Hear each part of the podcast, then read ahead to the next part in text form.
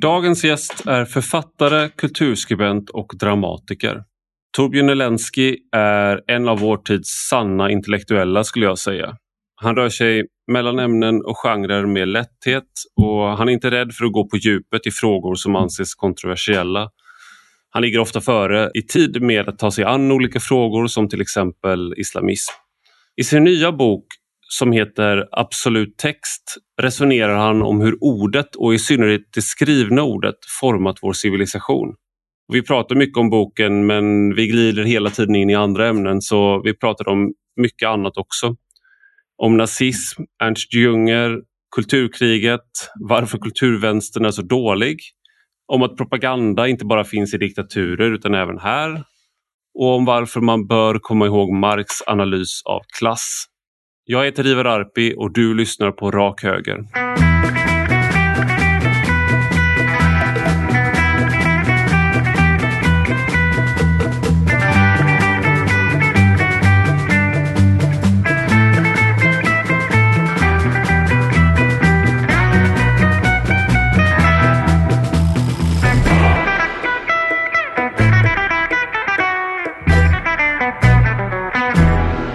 Välkommen till Rak Höger, Torbjörn Elensky. Tackar, trevligt att vara här. Vi eh, känner varandra sedan ett tag tillbaka och vi har pratat om att vi ska spela in en podd med varandra. Men eh, nu hade vi verkligen en anledning för du har släppt en ny bok, Absolut text. Ja. vad handlar den om? Jag har läst den men jag tänkte du ska få förklara. ja, det är inte så lätt att samarbeta. Den handlar ju om eh, text i grund och botten om skrivandet och skrivkonsten, men framförallt som eh, eller framförallt om hur den har förändrat och påverkat våra sätt att tänka, eh, vårt sätt att eh, förstå världen, vårt sätt att tolka. Eh, för jag menar ju då, vilket jag inte är ensam om, att det här, det här är absolut avgörande förändring. Själva vår syn på vad en individ är, eh, så att säga, såg på den grundläggande nivån bygger detta på vår syn på text och vår flertusenåriga då numera erfarenhet av text, läsning och tolkning av det slaget. Du tar ju upp det också hur många, liksom, eh, framförallt kanske den eh, kristna skapelsemyten eller den bibliska mm. skapelsemyten, mm. att i begynnelsen var ordet. Kan du utveckla liksom hur, vad det har fått för konsekvenser för hur vi ser på, eh, på just ordet och på, på relationen mellan eh, Gud och ordet? Alltså det här det är ju verkligen komplicerade saker. Det kräver nog en, en regelrätt teolog egentligen. Men uppenbarligen så finns Nu har jag ju... bara dig. Nu har jag bara dig. Ja, nu får så... du reda ut alla ja. de här mysterierna. alltså, alltså, givetvis så Eh, Eh, alltså, den idén i början av gamla testamentet är ju från början en judisk idé och den judiska kulturen är ju i högsta grad textcentrerad denna från början. Den håller ihop tack vare att de har haft texter egentligen. Eh, vilket är väldigt speciellt. Men sen har ju även kristendomen tagit över här, men det har även islam gjort. Och eh, jag skulle föreställa mig att det finns i andra varianter också, men det känner inte jag till så himla väl hur det skulle kunna vara till exempel inom hinduism eller i kinesiska föreställningar och sånt där. Mm. Men för oss, för oss, vi har ju övertagit den här oerhört höga värderingen av texten och ordet. Och den judiska traditionen då från Gamla Testamentet har i och med kristendomen förenats med grekiska föreställningar som är ganska lika delvis de kristna. Mm. Jag menar, i de kristna urföreställningarna så är det så att det språk som Adam pratade i paradiset var ett språk som var direkt fattbart. Det krävde ingen tolkning. Man visste absolut vad varje sak betydde. Det fanns inget glapp så att säga mellan föremål och ord. Och man blandade samma... inte ihop eh, äpplen och päron i paradiset? Nej, nej, vilket man ironiskt nog då har gjort senare, för det var ju inte ett äpple, eller hur? Men Va? Det där måste... Var, det inte Nej, ett äpple? Det kan, det kan vi återkomma till. Ja, det kan vi återkomma till. Alltså äpplet i paradiset var inte ett äpple, inte sant? Det var en annan frukt. Och det är lite oklart, ja, det är lite oklart vilken frukt det var. Grejen är den att romarna, och jag antar även grekerna då, de kände huvudsakligen till äpplen. Så att på latin så brukar man, kallar man de flesta, latin och på latinska språk så kallar man ofta nya frukter för olika slags äpplen. Mm. Uh, till exempel, för att ta ett stort hopp, tomat som då möjligen, ja det är väl en frukt, heter ju pomodoro, guldäpple på italienska. Nu har vi redan liksom, eh, det är uppenbart att vi har... Nu hoppade vi! Ja, men vi har, det är också uppenbart, det är egentligen ett roligt exempel, om man då ska ta ett kristet perspektiv på det, så är det här i sig ett bevis på att vi inte längre lever i Edens lustgård, att vi, att vi misstog frukten Adam ja. åt för ett äpple. Eh, Absolut. Jag för mig, om jag inte minns fel nu, så Carl von Linné trodde att de åt banan, har jag för mig. Okej. Jag gillar banan. Jag gillar banan. Kunskapens ja. frukt är en banan. Det hade varit, det hade, mm. Tänk vad annorlunda världen hade varit. ja, eller hur? Om man hade kommit ihåg det. Ja. Nej, men sen, men, men, men sen händer ju någonting. Alltså syndafallet är inte bara att man upptäcker synden och så upptäcker att man är nakna, utan syndafallet är också att vi mister Guds språk. Vi mister den direkta tillgången till Guds språk. Och det här mm. är exakt samma variant som finns i den grekiska myten. Där vi så att säga på guldåldern, den tid som grekerna ansåg var den finaste ursprungliga paradisiska tiden, då kunde också alla prata med alla. Alla djur, alla växter, alla till och med mineraler och stjärnor. Alla kunde prata med varandra och alla hade samma språk. Mm. Därför tänkte sig ju för övrigt grekerna också att människan ursprungligen var vegetarian. Just det. För man äter inte de man kan prata med. Men, men, eh, sen tappade vi det här språket på något sätt. Det finns några kannibaler som inte håller med, men, eh, men, eh, men det är också lustigt ja, att gre just, just, just, grekerna, att, att det här med att tala med djur, att det var viktigt för dem eftersom i deras mytologi överlag så är det väldigt många blandningar mellan människor och djur och gudar som parar sig med djur och, och, ja, och, och sådär. Eh, Zeus gör om sig själv till en vit tjur, vit tjur och eh, har sex med eh, kung Minos fru. Jag glömmer av hennes namn. och då fick, eh, Det var så Minotaurus kom till. Alltså den det, typen av, och gre, det där höll grekerna på med, men inte till exempel i nordisk mytologi så finns inte det där. Men det är intressant. Nej, det är intressant, det är intressant, det här. Det är intressant skillnad. Och det, jag tycker det är intressant med det här med den här distansen mellan då, när vi har en direkt tillgång till till, eh, till världen. Och i, du skriver också om det i boken hur i den grekiska mytologin hur även Prometheus, eh, vi fick eld vi, vi, av Prometheus, vi fick kunskap eh, och att vi liksom, språket och civilisationen är, eh, utvecklas tillsammans i, i, enligt grekerna. Och, men också ja. då att vi, ironiskt nog så gör det ju också då att vi rör oss bort från det här guldåldern och oskuldsfullheten och kanske då vår djuriska natur. Vi blir, ju mer civiliserade vi blir desto längre bort från guldåldern kommer vi ju också. Ja, alltså grekerna, det som en viktig skillnad mellan då kristendomen och judendomen och grekerna är det att kristendomen och judendomen bygger på Bibeln och där har vi den där historien ganska klart och tydligt. Men grekerna har ju väldigt många olika myter. Det är inte alltid alla de här myterna stämmer överens med varandra riktigt. För det, enligt en del är också då språket någonting som kom med Pandora som Zeus skickade ner som hämnd för eh, Prometheus, att han har stulit elden. Inte sant? Mm. Och Pandora ger människorna språket och med språket, då, jag antar att det är postguldåldersspråket, då kommer även lögnen in i världen. För språket ger också möjligheten att ljuga till människorna, som inte fanns tidigare.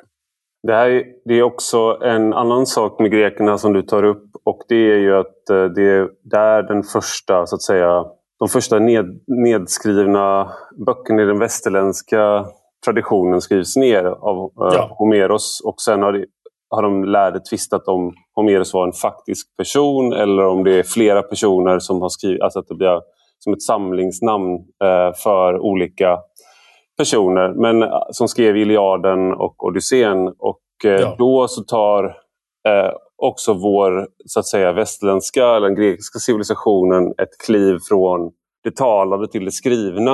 Eh, ja, och, och mycket det viktigt kliv. Och vad innebär det klivet?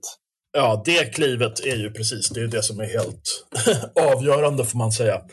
Alltså skriftkultur i någon mening finns ju tidigare som är äldre. Kilskriften är äldre, och det är väl frågan om inte det... Alltså, det är lite svårt med gränsdragningen. I Europa är ju egentligen en ganska ny på något sätt kulturell och politisk konstruktion. Tidigare var det ju så att säga när Medelhavet var centrum är det runt Medelhavsvärlden som allt det här utspelar sig. Och jag menar, även Mellanöstern och Nordafrika var ju både hellenistiska och romerska så att säga. Långt innan Skandinavien eller Nordeuropa var i närheten av att vara europeiska i någon modern mening.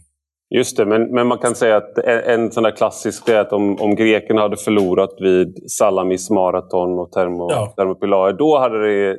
Det är där liksom som det blir någon sån här... Ja, då, blev, då fanns det plötsligt någonting som var väst. Väster om, väster om Persiska riket, får man väl ja. vara. Och sen efter det så och sen är allt historia, eller vad säger man? ja, ja, för, ja, för det är ju också en av de sakerna som grekerna börjar med. Det är ju historieskrivning i modern mening.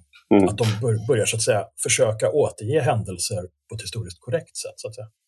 Goethe hade förut, apropå det här med Iliaden och Odysseen. Och Iliaden och Odysseen är ju verkligen steget. Det kan man nästan urskilja hur steget tas från en talad poesi, traderad, som bygger då på upprepningar av formler och på versen och sådär, rytmen. Eh, alla de här stående epiteten, den koögda Hera och så vidare som de där är fyllda av. Eh, hur steget tas från det till det nedtecknade. För det nedtecknade ändrar liksom karaktären på texten. Men det är också möjligt att gå tillbaka till den exakta texten. Mm. Citera, referera, parodiera. Alltså alla de här sakerna som, som växer fram eh, både skönlitterärt och filosofiskt är, är, från den tiden är otroligt eh, viktiga. Men grekerna själva ansåg ju att de hade fått skriftkonsten från egyptierna som de tyckte var mm. väldigt duktiga på allting. Och e- en sak som, det här är, vi ska gå vidare i boken, men jag tänker nu när vi ändå mm. tar upp Homeros och Herodot. Homeros är den första liksom, eh, författaren och dramatikern och eh, ja. Eh, Herodotus är den första, den första historikern. Och det, det, det, är en intressant aspekt av text här eh, som jag, liksom, och grekernas perspektiv som vi då i, som, de, det är inte vetenskapliga texter eller sådär men det är att grekerna försökte att skildra motståndarsidan inte bara som propaganda. Utan Nej, man, på, på, det var såklart grekisk propaganda också men, men det fanns det finns exempel på där man till exempel i, i Iliaden så är Hector, som är då fienden till grekerna, han skildras ja. egentligen som den perfekta människan på många sätt. Ja. Eh, med, med, så att man, man, man är både på liksom Achilles sida och på... Det här är ju då liksom... Och Herodotus gjorde, gjorde liknande saker, att man hade liksom en sån ambition att man skulle sätta sig in i, i liksom den andra sidan. Och det här då... Eh, skulle, skulle vara på något sätt en eh, förlaga då till hur vi sen, vad vi sen anser är ett korrekt sätt att skriva historia på. Men ja. för, för en pers så skulle det där vara helt absurt att försöka leva sig in i de här eh, småttiga grekernas perspektiv som var liksom en barbarstat i utkanten av riket. Liksom. Alltså det, här är ju, det, här, det, här, det, här, det, här är ju, det här är någonting som är helt centralt skulle jag säga och verkligen som du säger typiskt europeiskt och i förlängningen västerländskt. Den här förmågan att viljan att se sin fiende som en människa, som någon man kan respektera, någon som man kan relatera till. Det finns ju även i dramatik eh, och så vidare, och annan typ av diktning. Liksom. Um, hos Herodotos och sånt där. Den viljan är väldigt viktig och därmed, som du säger, hänger också samman viljan att göra en korrekt återgivning. Det där är, och det där är ju väldigt spännande. Man skulle vilja veta, skulle vilja veta var det där kommer ifrån. Varifrån kommer det här idealet att återgivningen ska vara korrekt? Det finns ju en annan variant på det också som är jättespeciell och det är de här eh, i och för sig grekiska, men nästan ännu mer senare de romerska porträttbysterna.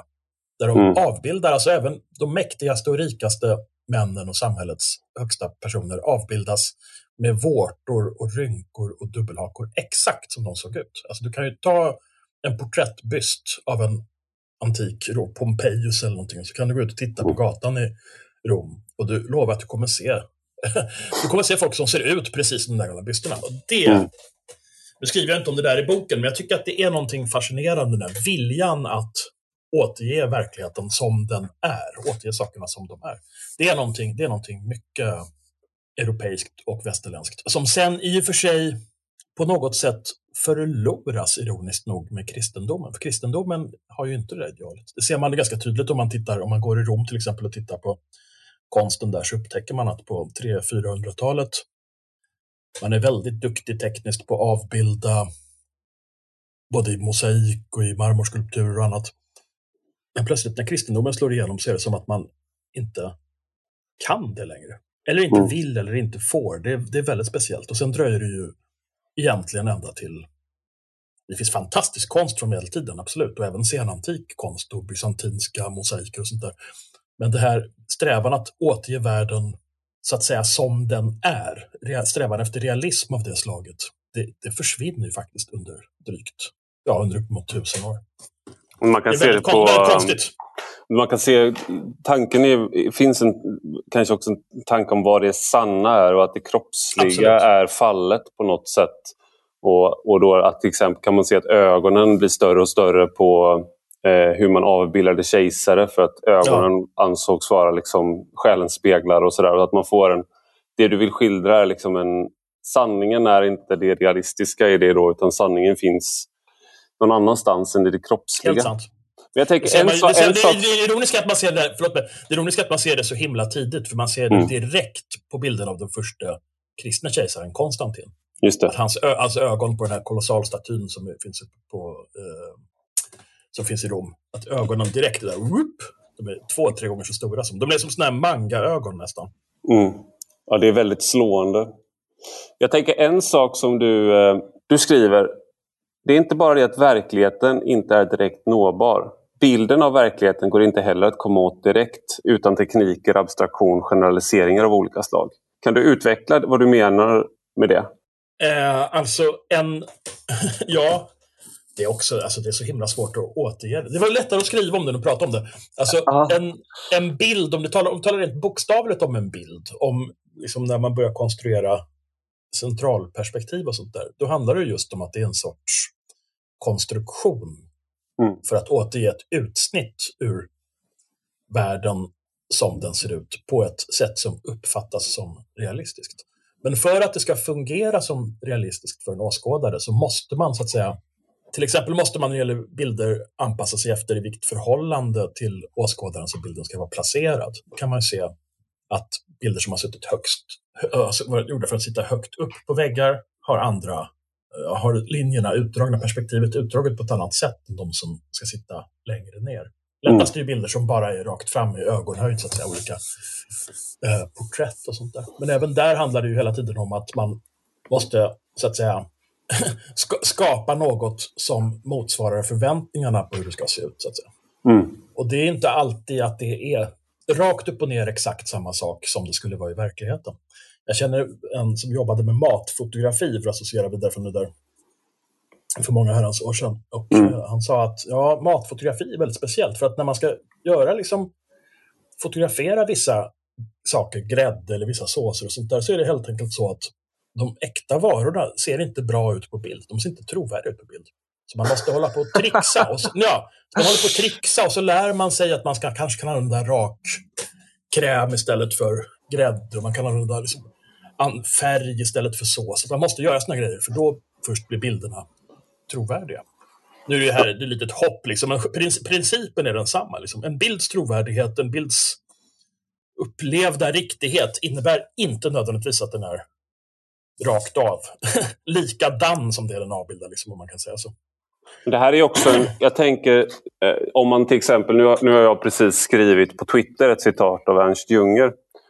Eh, ja. Och han återger i boken Skogsvandringen en eh, socialdemokrat som försvarar sitt hem mot eh, brunskjortor, nazister då, som ska ta sig in. Ja. Han gör det då med gevär. Han skjuter och jag, jag, vet inte vad hans öde blev i, i slutändan men han, han tog liksom våldet i sin egen hand och försvarade sin familj.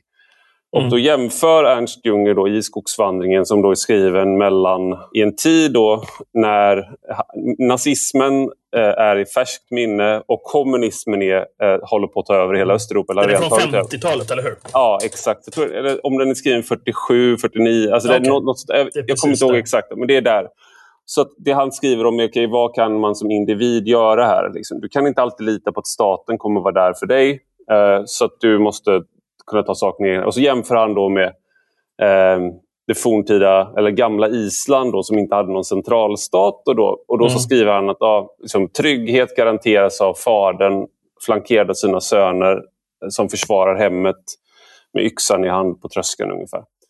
Eh, och det där skrev jag ungefär då. Ja. Och då tänker jag att den här yxan då, det är ju liksom en... Eh, om man bara skulle skriva rakt Det där är ju en abstraktion. Det där är ju liksom, såklart, mm. det är ett faktiskt föremål. Mm. Eh, och, men det är en abstraktion där du förstår det det handlar om är ju så att säga nödvärn. Det det handlar om, det handlar om eh, liksom, man, för att överhuvudtaget kunna prata om, och det, det här är också då det jag försöker komma fram till här är att om man vill missförstå människor då låtsas man om att den här nivån av abstraktion inte finns. Ja. Så att om någon skriver om en yxa till exempel eller om eld som, som symbol för upplysning eller liknande så, ja. bara, så, så låtsas man att den, det finns ingen extra nivå. Eh, så att säga. Och då försvinner ju hela poängen. Ja, ja, ja. Du är ju, du är ju jag skulle säga att du är, har en väldigt speciell roll. Du har ju, det är ju väldigt många som till varje pris vill missförstå dig. Var det inte så att du dessutom äh, citerade det här efter, äh, vad heter han, Daniel Wiklander? Ja, han är syndikalist, precis. Som är syndikalist, precis. Ja, och, och, ja, och, han, och Ernst Junger var ju, vid det här laget var han anarkist. Eh, och, ja. och så, så det, det, blir så här, Vilken sorts anarkist han nu var. Han var ju ganska aristokratisk. Han var ju inte någon sån här... Han var ju, ja, han var ju speciell. Det var han. Det får man ge honom. Och det är väl därför folk eh, eh, från olika håll och kanter kan, både kan förfasas och hitta någonting hos honom. Men, Absolut. Nu ska jag sluta prata om mig själv här, men jag tänker att... Nej, men det är intressant. Det är intressant, för snacka om någon som eh, där bild och verklighet eh, liksom ofta glappar på det mest häpnadsväckande sätt. Jag kan säga jag läste så många, jag läste så många fultolkningar av det där citatet. Mm. Så att jag var helt, jag var, av ditt delande av det, att jag verkligen bara, jag bara häpnade. För mig, du ska kanske inte vill prata om just det, vi kan återgå till min bok och det sen, det borde jag ju tycka var roligare i och för sig. Men jag tänkte, när jag tänkte först tänkte jag det just i överförd bemärkelse, att det också handlar om den här lilla insikten som är så lätt att förlora i vår tid, att frihet inte är någonting som någon annan kan ge en mm. eller garantera. Den här frihet är alltid någonting som det är upp till en själv att skaffa sig i någon mening. Och då menar jag inte att man måste slå med yxa för att bli fri, utan jag menar bara att det handlar om att var, var och en har ansvar var och en har ytterst ansvar för sig själv. Och det är väl just det som det är farligt att glömma. Ja, exakt. Och det här är ju en, um, en insikt som när, när, när Ernst Junger skrev det här så var det ju som sagt i uh, ett sammanhang där totalitära ideologier hade antingen precis haft väldigt mycket inflytande och sen också då i Östeuropa hade väldigt stort och Tyskland var delat. Och ja, vad, vad kan man göra när man inte känner sig hemma i sin samtid? Jo, då kan man vara den personen som eh, så att säga ändå står upp och bestämmer sig för att jag tänker inte vara eh, anpassa mig till det här och vilka strategier kan man ha då? Mm. Och den här då skogsvandraren är en person som kan inspirera andra så att även om man är ganska ensam även om så kan man genom att föregå med det här exemplet så kan det vara så att säga ett, ett ljus för andra att följa. Mm. Men och, och han, hade också en, han hade en rolig... En, han tyckte att man då skulle kunna till exempel ha som symbol, man skulle kunna spraya eh, W för valdgang, alltså skogs, mm. eh, skogsvandring. Och det här föregår ju då lång, med många decennier V för vendetta. Så V Aha. för vallgang, V för vendetta. Men så det finns liksom... Eh, så det där var ju liksom en sån där... Det, man, tänk, man associerar kanske inte det med en person som stred i första världskriget och var liksom eh, aristokratisk preussare. Att han tyckte att man skulle spraya ved för vallgang. Men, men det fanns i alla fall en sån tanke där om att...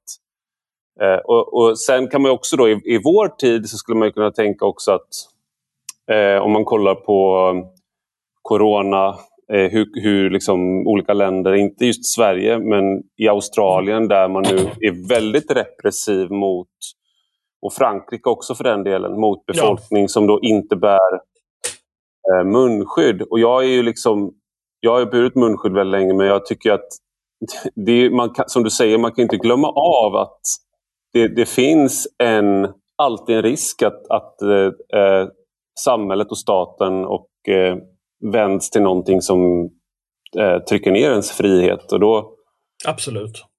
Då kan yxan kännas som en symbol för att komma ihåg det. Men det är ju inte, det är som sagt, jag, jag uppmanar inte människor att gå ut och köpa en faktisk yxa. I alla fall eh, inte en vedyxa för den är alldeles för svår att hantera. ja. jag skulle säga, det, det, alltså, Jünger är jätteintressant tycker jag och de olika läsningarna av honom och hans roll. jag skulle säga eh, någonting som är speciellt med honom, och som sagt, nu kommer vi in på sidospår här, men sidospåren är ofta roliga.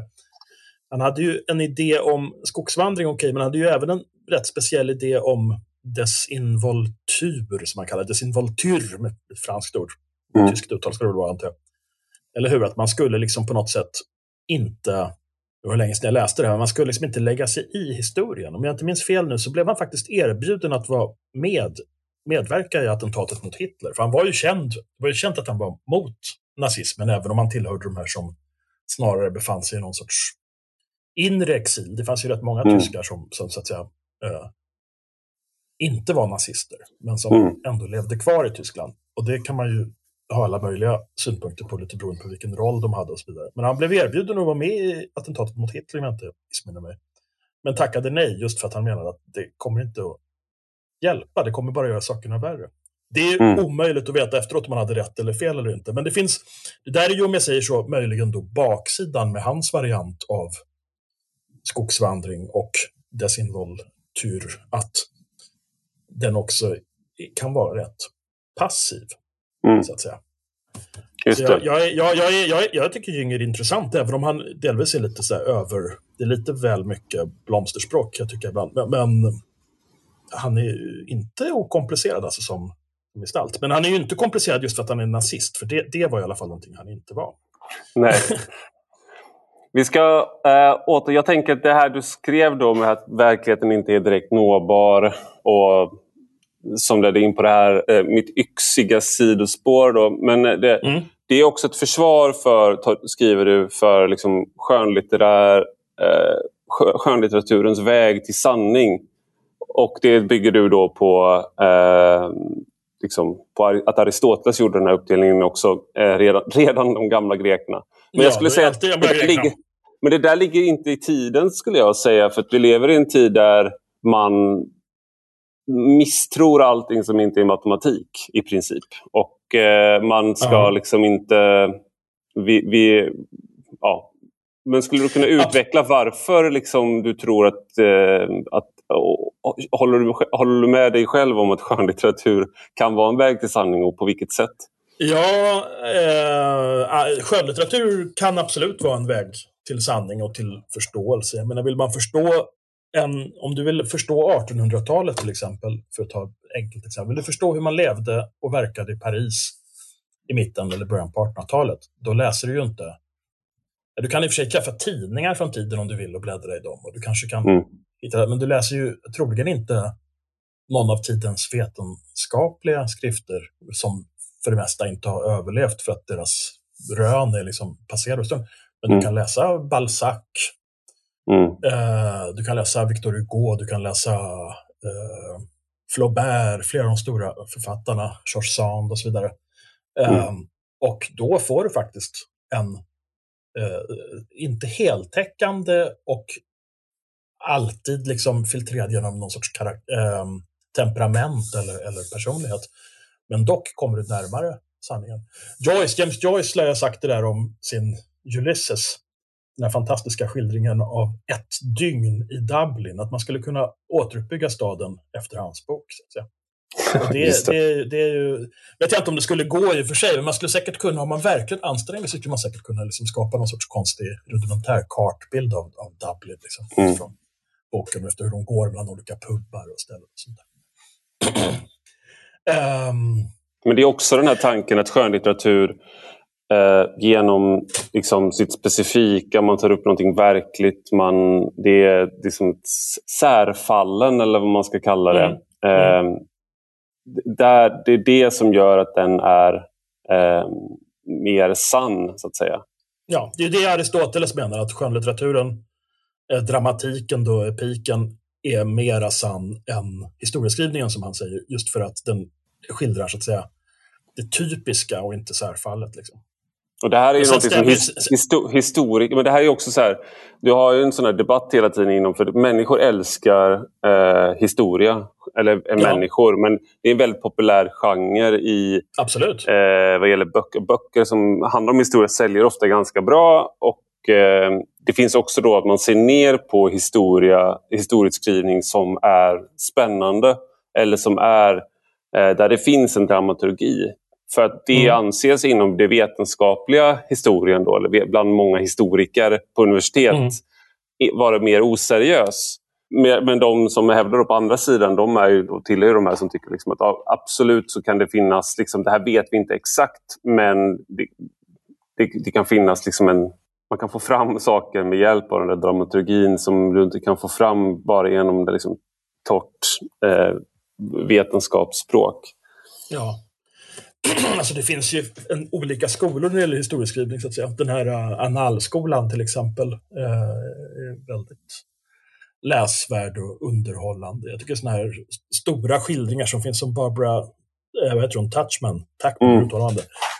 Om, om först, första världskrigets utbrott och sånt där. Det är ju fullkomligt lysande. Det är både litterärt och innehållsligt lysande. Det finns, ingen, det finns liksom ingen motsättning mellan att det är litterärt eh, intressant Mm. Och, lev, och levande och i någon mening trovärdigt och att det också skulle kunna vara historiskt sant. Liksom.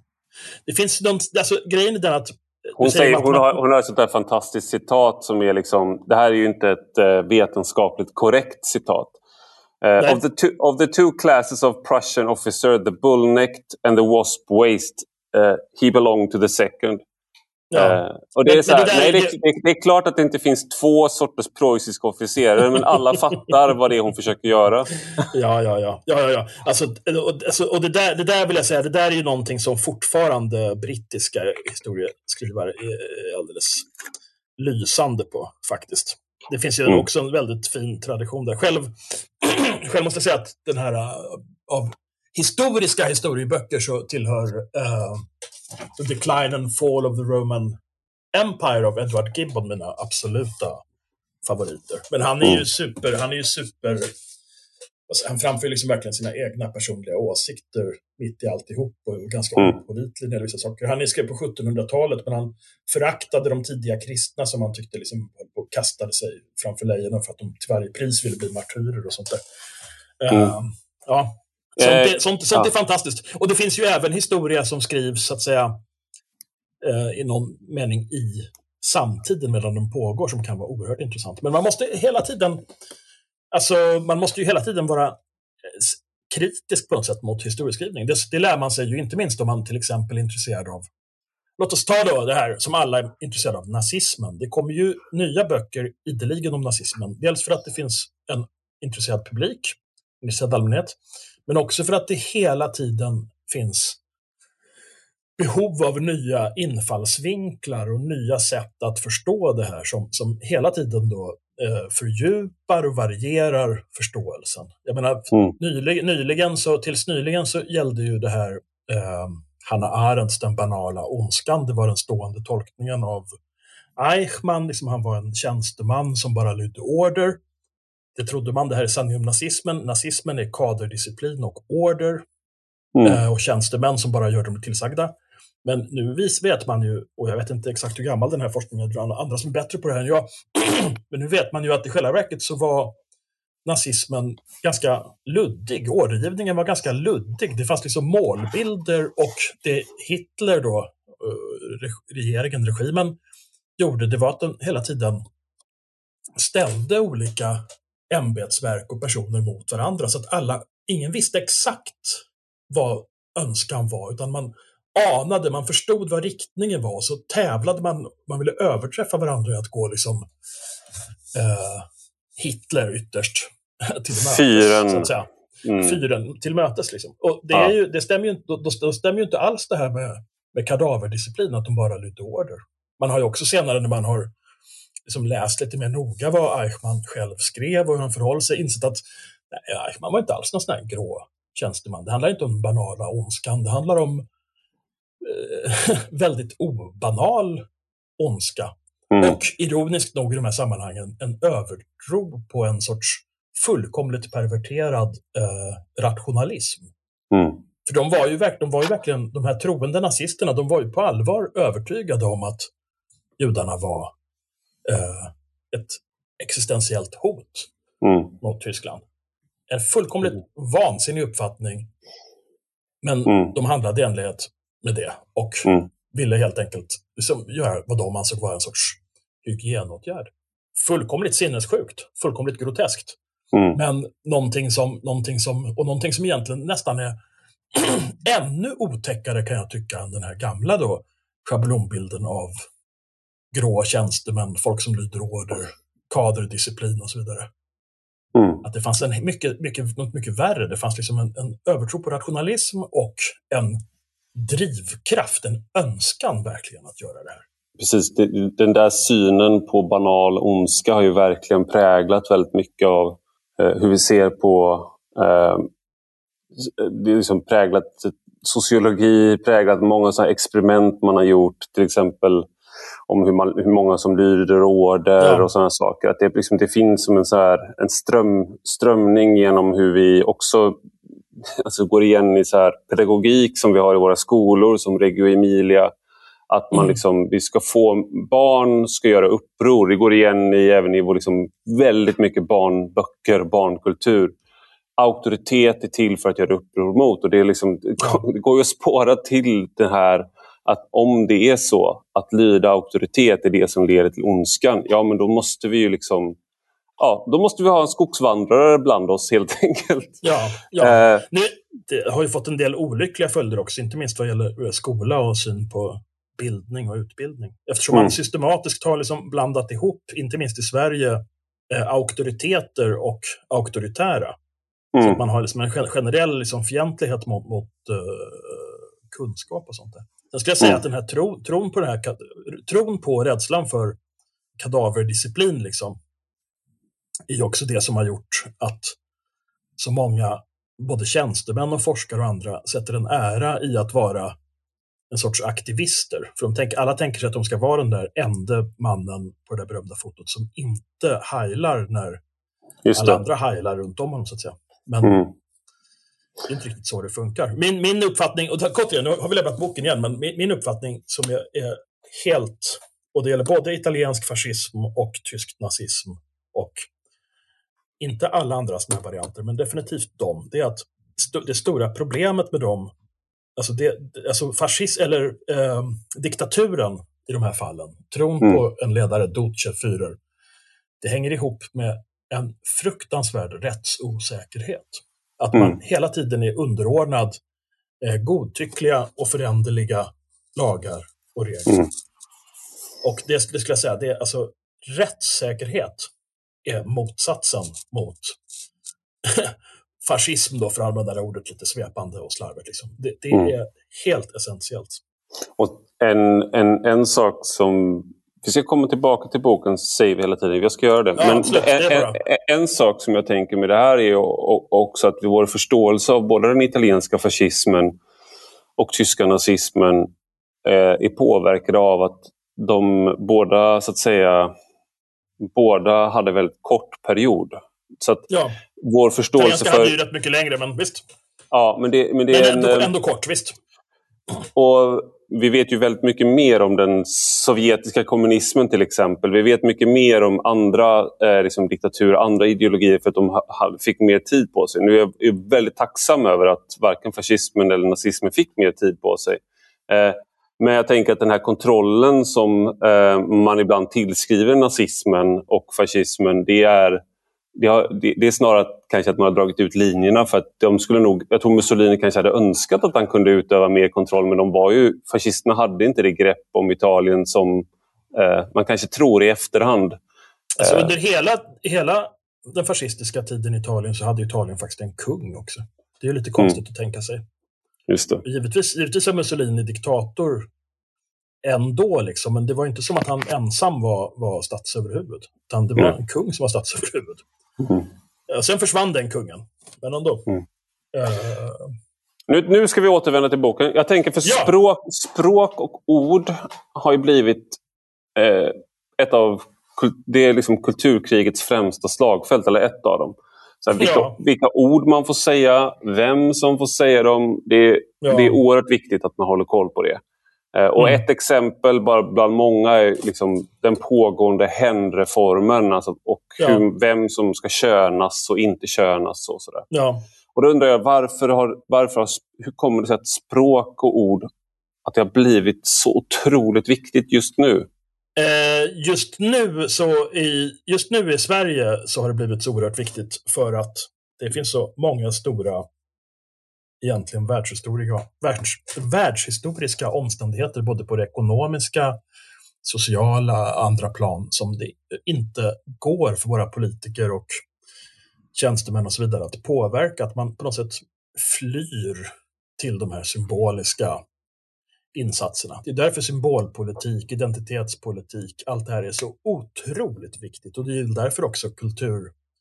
Jag vet inte exakt hur kulturstriden eller kulturkampen eller vad det heter ser ut eller när den började eller sådär, men, men det är uppenbarligen så att den utspelar sig istället för riktig politisk kamp kring riktiga frågor för att de går nästan inte att påverka. Vi kan inte göra mycket åt vare sig covid eller klimat eller världshandel och så vidare, mer än bara försöka få så bra avtal som möjligt. Och för det är en maktlöshet, maktlös. Det är som man säger att terrorism är den svages vapen, det är liksom språkstrid den ja. maktlöses vapen. Då. Att okay, jag kanske inte kan påverka, jag kanske inte kan få en utopi, ekonomisk utopi på jorden, men jag kan i alla fall få folk att sluta säga chokladboll på fel sätt. Alltså så, så uppfattar jag det, så att säga. Att, uh, åtminstone när de har fått så fruktansvärt stor, så, så, en enormt central plats som de har fått på senare år. Alltså det finns mm. ju ing, ingen, det finns ju ing, inga proportioner liksom i den här upprördheten över fel ord eller sånt där. Eller för den delen mm. över fel tweet då, som när man skriver nu ska jag där med yxan och, och så vidare. Just det. Alltså det, det, är ju, det, är ju någonting, det är ju någonting som är patetiskt med det. För samtidigt pågår det, som sagt, det pågår ju massor av riktiga, allvarliga, viktiga saker i världen som då inte minst våra politiker, men även debattörer och så vidare. inte jag då, inte jag då. Nej, inte, jag. Nej, nej, nej, inte du, inte du. Nej, men i största allmänhet svåra saker som man inte tar i. Kanske för att det inte finns klara och tydliga svar, eller kanske för att det bara finns egentligen olika varianter på negativa svar. Liksom. Uh, mm. Men också helt enkelt för att det är krafter som är så starka som är igång att man liksom inte... Jag menar, hur ska man förhålla sig till Kina och Kinas expansion till exempel? Det är Fientligt. Ja, absolut, absolut, absolut, det tycker jag med. Men det tycker jag med, men det blir ju, ja. det blir ju liksom ändå lite sådär... Det blir ju ganska kraftlöst. Jag menar, ja. var, var, var är din dator tillverkad? Eller komponenterna och så vidare? Det... det är alltid, alltid någonting från Kina är liksom i allting. Du är ju föredömlig då, som sitter med, du sa det innan vi började spela in, att du mm. satt med papper och penna. Då. Där kanske man kan komma undan det här.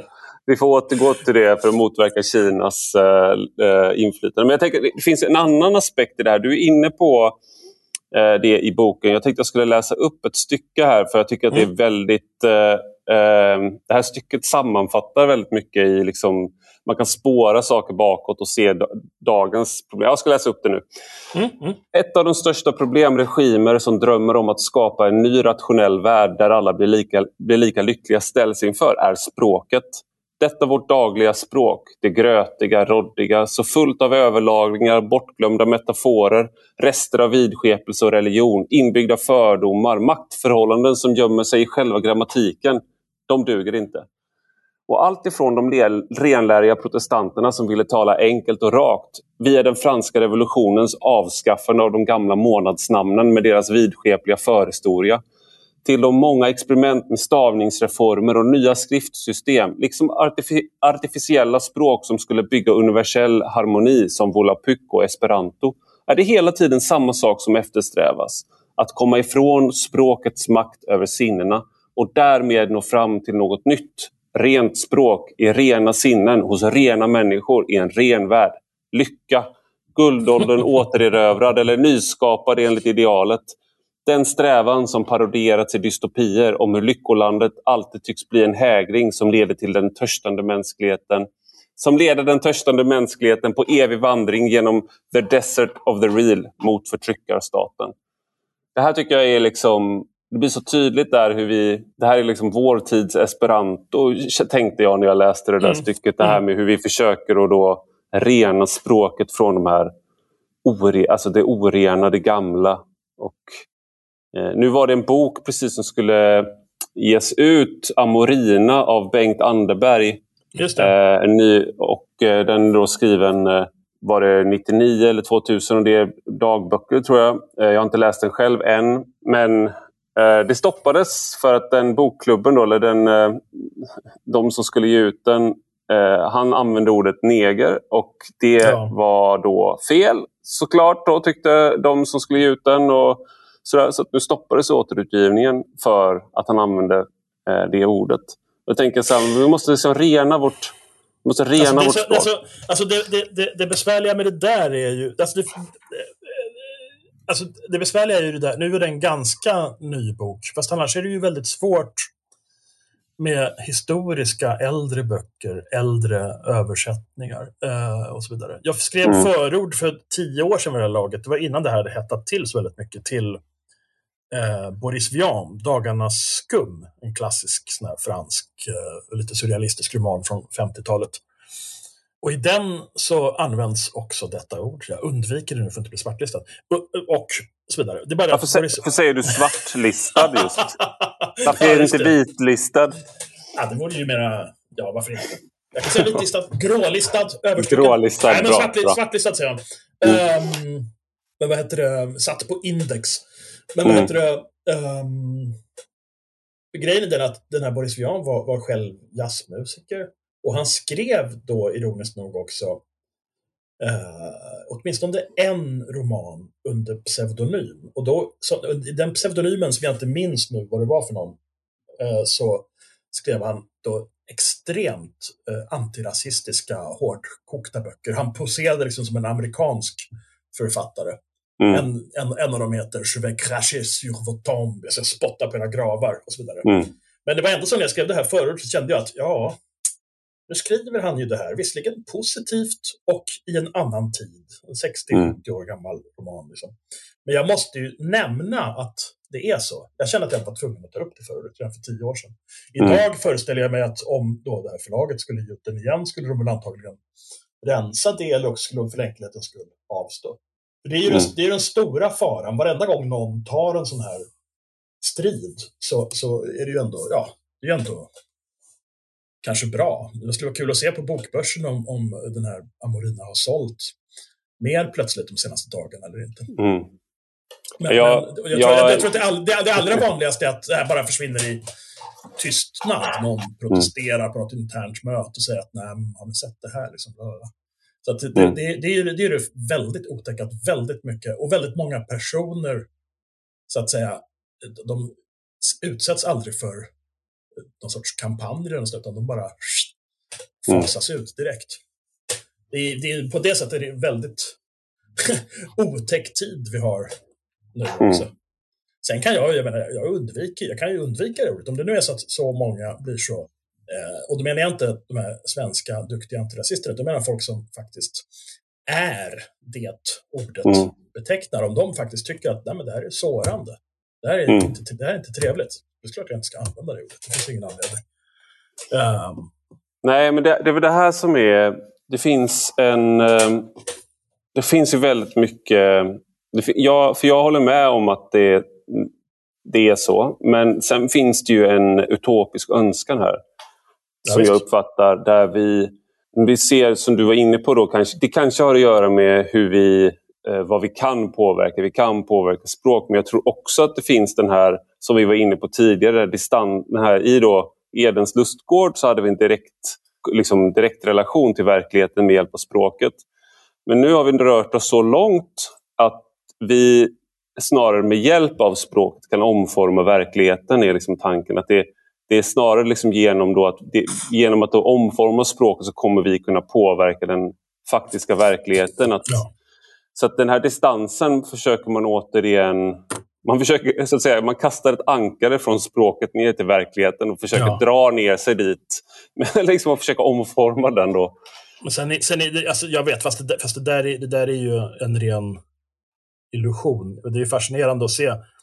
Alltså, när, varenda gång de lyckas eller försöker förbjuda något uttryck eller någon sorts egentligen åsikt också, så hittar den ju hela tiden andra vägar. Alltså, det finns alltid krypterade sätt att uttrycka vad man än vill på. Liksom. Åsikter mm. försvinner inte, erfarenheter försvinner inte, fördomar och så vidare försvinner inte för att orden ändras.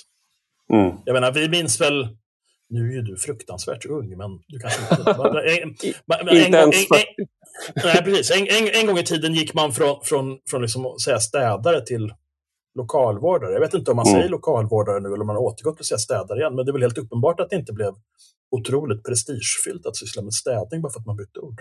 Nej, det, det här är ju en... Men det är den här... Det finns ju någon slags... Det är det första eh, exempel jag kommer ihåg. Ja. Ja, jag tycker att det här är besläktat med en eh, myt som också återfinns i Bibeln. Det är faktiskt också som jag tänkte fråga dig om, det är ett tema mm. i din bok att du, du rör dig inom religioner och liknande för att det är så centralt för hur vi förstår världen fortfarande. Men det är att men när människorna samlades i en stor stad och man skulle bygga ett torn upp till himlen, det är Babels torn, och Gud straffade ja. människan. Och sen spreds vi vind för våg åt alla håll och kanter och sen dess så kan vi inte förstå varandra. Vi pratar många olika språk. Och mm. Det, här är ju, äh, det här känns som att vi är någon slags... Om jag skulle varit i kristna termer så känns det här önskan om att vi alla ska tala samma språk, esperanto. Eller att vi ska, att vi ska mm. rensa språket från förtryck, vi ska rensa och göra alla de här grejerna. Det känns som ett modernt Babelstorn. Att vi kommer, eh, jag menar inte att man inte ska sluta med kränkande uttryck. Men nej, nej. det känns som att den här förhoppningen, den här utopin med hjälp av språk, att det, det, är, liksom en, eh, det är en religiös föreställning snarare än någonting annat. Det är absolut en, det är absolut en religiös uh, föreställning. Som sagt, jag menar, jag har ju exempel på de första, uh, alltså de här, det här protestantiska språkbruket. Framförallt förekommer alltid i skildringar av New England och sånt här. De säger thou, mm. thee och sånt där. Mm. Plain speak. Um, man ska inte hålla på nia och grejer. Just det. Men det finns ju även, det finns ju, finns ju även som sagt uh, politiskt. Alltså franska revolutionen var ju verkligen inne på det här att man skulle Alltifrån metersystemet där man skulle rensa till, till liksom de nya månadsnamnen och så vidare. och allting. Det, det är någonting väldigt... Uh, man, man tänker sig uppenbarligen att världen på något sätt styrs via språk och språkbruk verkar som. Och det gör den väl också till mm. en viss del. Fast jag undrar om man inte också övervärderar det där. För att det finns, det finns faktiskt annat än språk som påverkar. Nu, numera är det ju liksom en sorts... Eh, alla verkar vara helt överens om att ah, politiken ligger nedströms från kulturen. Fast jag måste säga att jag nog verkligen inte tror på det där. Dels så tror jag att det, här, det där är ytterligare ett exempel på en sån här metafor som vilseleder tänkandet. Det finns ingen ström överhuvudtaget om dynamiken mellan språk och politik, eller mellan kultur och politik, är mycket mer komplicerad och dynamisk. Det bygger liksom på utväxling. Men före allt, det tycker jag inte man behöver vara marxist för att inse, vill jag säga, inte bara anse, utan inse att före allt så ligger faktiskt de materiella förutsättningarna. Du menar att en städare är en städare även om eh, liksom, någon hittar på att man är hygienkonsult eh, eller någonting? Eh, ja, till exempel, för att ta det på, ta det på den nivån, absolut, absolut, så, absolut så är det så. Men mm. jag vill säga att alltså, en, städare som är skicklig på sitt arbete och stolt över det, det är, det är en person som är mycket mer respektabel än någon som har något oerhört fint jobb men hela tiden är missnöjd och inte nöjer sig med det och så vidare. Mm. Jag, pratade, jag pratade idag med en person på ett universitet som, mm. berättade, som berättade att ja, det är svårt att få saker gjorda. För att det är mm. så många personer här på institutionen. De är faktiskt eh, inte tillräckligt intresserade. Och då jag, hur, hur, fan kan man vilja bli, men hur kan man vilja bli forskare i ett ämne? Och det gällde ett humanistiskt ämne. Mm. Och sen inte vara intresserad av det. Liksom. Mm. Jag, är, jag är jätteintresserad hela tiden och jag är då ingen forskare, jag är författare och kritiker och skribent och så vidare, men jag är jätteintresserad hela tiden. Mm. Och jag kan inte förstå hur man, om man har de resurser ett universitet erbjuder, hur kan man liksom inte ta tillvara på dem och ordna seminariet, använda lokalerna som finns, använda kontakterna, de ekonomiska då i viss mån, de är väl rätt begränsade, men ändå resurserna som finns. Och det vill säga det, en sån forskare, en sån forskare som inte faktiskt brinner för sitt arbete, för sin forskning, tycker jag är mycket mer, det, det är en föraktlig person, om jag får uttrycka mig så hårt. Medan då, däremot den, då är vi inne på den här klassiska... Medan, medan däremot den, den städare, och jag känner några som jobbar med städning, som tar sitt arbete på allvar, som är stolta över det, som tycker att det är viktigt det de håller på med. De är respektabla, de är heders, hedershen. Nej, de, är heders, de är hedersmän och hederskvinnor. De är, de är bra personer. Jag skulle mycket hellre dela middag med en sån än med en forskare som inte är intresserad av det de håller på med. Men det här är ju en... Eh, det finns ju en, eh, en eh, vad ska man säga, när man inte vet hur privilegierad man är, är ju någonting som återkommer som någon slags, det är högmod, det är liksom en, jag skulle säga att det är syndigt. För att ja, det, det, du gör... Det, det, det, du gör syndigt, kallar du det, gärna ja, för mig. Ja, ja, för att det är ju faktiskt så att det är en... Om man är, liksom, det är ingen som tvingar en och dessutom så är det den här... Det, det, det hänger ihop med är ju också att städare har ingen status i sig. Men mm. det har du när du är på universitetet. Så om du inte förmår liksom, ha vett att uppskatta när du, ha, när du då har tillskansat dig den positionen i konkurrens med andra mm. så är du liksom eh, privilegierad men också otacksam. Men, men en, en, annan, en annan sån aspekt i det här är ju att eh, det finns också en eh, det livströtta, det uttråkade och eh, den här otacksa, säga, liksom, otacksamheten eller någonting. Det är också en, ett tecken ibland i vår kultur på förfining. Att man är... Absolut, absolut, absolut. det, kan vi prata om, det kan vi prata om hur mycket som helst. Det där är ju en fascinerande... Förfi, förfin, förfining är att vara uttråkad och lite äcklad och lite ointresserad. Ja, det är väldigt dumt. Förfining är inget vidare. Och det här, men det här tänkte jag leda in på, på min nästa fråga. För att Ja. Vi, vi är ju båda ordmänniskor. Jag liksom, mitt, när folk frågar vad jag har för fritidsintressen så är det liksom... Jag tycker om att prata med min fru, jag tycker om att träna eh, men jag, och också att träning ger mig möjlighet att göra det jag tycker är allra mest intressant och det är att läsa och mm. att liksom hitta nya böcker och, eh, och sådär. Men då finns det också en risk att man eh, när man skriver en sån här bok som då skrivs som ett absolut text som handlar om text, det skrivna ja. ordet. Och egentligen är det ju så här, borde vi kanske inte spela in en, vi borde kanske haft en korrespondens i text då, istället för att prata om den. För att det är väldigt, ja. väldigt, jag rekommenderar verkligen att man läser den här boken för att den är väldigt intressant. Och det, men jag tänker då på ibland på eh, Enjoy the Silence, den låten av Depeche Mode. Eh, ja.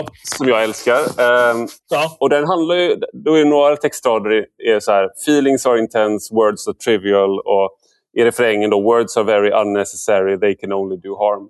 Och Det är bara en låt såklart, men jag tycker att den låten eh, sätter fingret på en skillnad då mellan den här eh, analytiska, distanserande, eh, distanserade, benämnande eh, liksom hållningen eh, som då kommer till uttryck i text där man försöker benämna saker. Liksom så här. Och sen en mer direkt deltagande och uppslukad hållning. Eh, som mm. jag vet att liksom, vissa filosofer har ju försökt, då, som Martin Heidegger, man har försökt liksom, att du ska liksom inte gör, tänk inte liksom, att man ska delta, var, var i det. Liksom. Sitt inte bara bredvid och benämn. Ja, fast, fast, absolut, fast det där, det där vill jag säga att det där, det där är ju också en tradition som är djupt kristen. Som finns mm. ända från, från uh, apostlagärningarna när Paulus skriver att uh, han är ett hur är det det står nu? Han är, här i boken, men jag kommer inte ihåg det. Han är ett, ett brev som är inristat inte på papper, skrivet inte på papper utan i era hjärtan. Liksom. Mm. Känslan går först. Släng bort. Det är ju det som är också kristendomens, liksom, ett drag i kristendomen som sen frikyrkor eh, och protestanter först och sen frikyrkor liksom olika varianter tagit upp det, är att man ska bara, nej men känn bara, känn mm. bara, var uppfylld av anden. Det är ju liksom pingstkyrka rent av. Liksom. Och det här, finns, mm. det här finns ända från början. Och det finns i allra högsta grad i romantiken. Mm. Som också då, romantiken bygger ju, och till exempel en sån som Novalis, som jag skriver i boken, den tyske stora romantikern från början på 1800-talet som dog när han var så fruktansvärt ung, Fredrik von Hardenberg. Mm. Han var uppvuxen i ett herrnhutiskt hem, det vill säga det var en tysk, en, en väckelserörelse som det fanns även spår av i Tyskland och som, som uh, var viktig. Där man liksom också just ägnade sig åt, man skulle läsa, man skulle studera texten och så skulle man känna liksom och fyllas av ande. Så kristen, eh, romantiken är i hög grad en rörelse som går tillbaka på de här kristna idéerna i sin relation till språk, känsla, så att säga, det direkta uttrycket. Och det är ju det som Depeche Mode rakt av kommer ifrån här. Mm. Det är ju rakt av romantik och därmed någon sorts bakom det någon sorts väckelsekristet arv. Liksom. Ja. Precis som hos The Doors och så vidare. Break on through mm. to the other side. Liksom. Det är hela tiden frågan om att nå fram till någonting bortom språket. För det är ju, det är ju, det är ju någonting, även in, inte minst skulle jag säga vi som, som så att säga, jobbar med språk på olika sätt, vi är ju förtvivlat. Ibland förtvivlat och ibland, eh, jag vet inte vad annat skulle det vara, men med, med, med, medvetna om hur, hur, hur, hur um, otillräckligt det är. Att det, inte, mm. att det når inte fram. Det når inte fram till alla känslor. Det når inte fram till alla sanningar. Alla argument, alla argument kan inte formuleras entydigt och lättbegripligt och så vidare. Ibland måste man ta till olika typer av metaforer och metaforer leder alltid fel. Hårdrar man en metafor så blir det alltid galet. Liksom. Mm. Förr eller senare. Och samtidigt finns det inget annat sätt att prata på för nästan alla, nästan alla ord, även om vi inte tänker på det vardagslag, nästan alla ord är ju olika typer av metaforer och alla sätt att tänka bygger på liksom, alla sätt att uttrycka oss bygger på ja, olika typer av, av metaforer i vid bemärkelse som också liksom gärna överför liksom olika rumsliga relationer till mm. statusförhållanden eller tidsförhållanden eller relationer. Som det här att politiken skulle ligga nedströms från kulturen. Jag tycker det är, jag vet inte, just, just för, och det här är också sån här käpphäst, fixidé nästan hos mig, just för att eh, det har blivit en kliché som upprepas ideligen, ideligen, ideligen, mm. ideligen. Så finns det ännu större skäl än någonsin att verkligen vända sig emot det och säga att nej, men sorry. Det är inte så att det är språket eller kulturen som bestämmer hur vi tänker. Mm. Utan det är faktiskt eh, ekonomiska förhållanden, sociala förhållanden och verkligt djupa, djupt liggande kulturella eh, uppfattningar och värderingar av olika slag.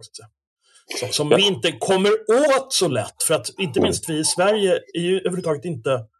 Vi verkar, folk verkar inte ha förmåga, alltså folk har förmåga här att inse ens vad som är så speciellt och konstigt med svensk kultur. Liksom. Och med svensk kultur menar jag inte knätofs, utan jag menar just synen på individ, samhälle, mm. eh, allt sånt där som går djupare och som skiljer sig, gör att vi skiljer oss extremt mycket från även de flesta andra europeer och definitivt från eh, så gott som alla utomeuropeiska invandrare som kommer hit. Jag, tänker, att jag säger att våra mm. värderingar är universella, det är, det, är så, det är så dumt så att man vet inte liksom... Mm. Ja. Det, men det är den här... Eh, Förlåt, jag kom in på käpphästar då blir jag så upphetsad. Ja. Men det finns en... Om man tänker på grekerna som benämner, de mötte perserna i kamp, mm. så var perserna, det var världsriket och grekerna visste det. Grekerna mm. såg inte sig själva som världens centrum. De, nej, nej. Det var eh, Persepolis, eller Persepolis var väl snarare världens, rik, eh, världens mitt då. För Absolut. Grekerna visste att de låg i utkanten. Och därför mm. när de skrev historia, därför när de skrev eh, liksom, när de skildrade eh, perserkrigen så fick, visste de att de måste, så att säga, de förstod perserna för att det måste man göra om man lever i den världen. Och, mm. eh, så att de skildrade Xerxes till exempel som en vacker och en otroligt imponerande människa. Eh, till mm. exempel. Mm. Och Det kan ju också då vara såklart eh, finnas, då är han ju en, en, en fiende som är värd bekämpa. så att säga. Ja, ja. Så det kan finnas sådana aspekter. Men jag tänker nu i vår, vår värld så har ju vi en om man ska ta de här postkoloniala eh, perspektiven på allvar så finns det ju en, en, eh, vi har ju trott i väst att vi är världens mitt. Och du kan, ja. an, antingen kan du se det på då liksom att vi har en plikt att civilisera olika länder, Afghanistan, Irak, eh, Syrien och liknande. Men det finns mm. också då i, i, när man tänker att, att vi i Sverige har verkligen ett sätt att... Liksom, vi hade inga slavar eh, på det stora hela och vi var inte Nej. en kolonialmakt. Eh, vi hade ett par små öar sådär, som vi blev av med. Men vi har varit en del av väst och ett sätt att se det är genom att vi har, tror, vi ser oss själva som världens mitt, så att säga, på många sätt. Att vi har kvar den här, vi är så att säga, vi är eh, perserna idag, så att säga. Vi är världens ja. mitt och vi har väldigt svårt att tänka oss att de där små grekerna, det vill säga talibaner, Ja. att, de ja, Har, att de har mage att sätta sig upp mot världsmakten och de här värderingarna, de universella värderingarna, den enda vägen liksom till mm. ljuset. Mm. så att säga. Och då när vi möts av eh, fiender som är små och är per perifera i våra ögon så blir man väldigt stött när de inte bara eh, ger oss då, i, i, i, anti, när perserna bad Sparta att falla på... Liksom, att underkasta sig det man skulle ge var jord och vatten. Mm. Eh, och när då folk inte gör det, eh, då, kommer liksom, då kommer straffet så att säga. Det, det, finns liksom, men jag bara menar att den här imperieattityden den finns kvar även om vi inte har kvar, eh, även om vi i Sverige aldrig haft det, men eh, haft imperie och även om så att Storbritannien... Fast det har vi i och för sig. Ja. Det, jo, det beror på hur du räknar. Stormaktstiden tänker du på? Nej. Ja, det, är ju, det var ju ett imperium. Ja. Det, var inte, det, var, det var inte ett transatlantiskt eh, imperium av det slag som så att säga, senare uppstod, men det var ju ett imperium i klassisk mm. europeisk bemärkelse, det får man väl säga. Ja. ja. Eh, och dessutom med en fantastiskt eh, uppblåst självbild knutet till detta eftersom vi dessutom var den rätta trons försvarare och mm.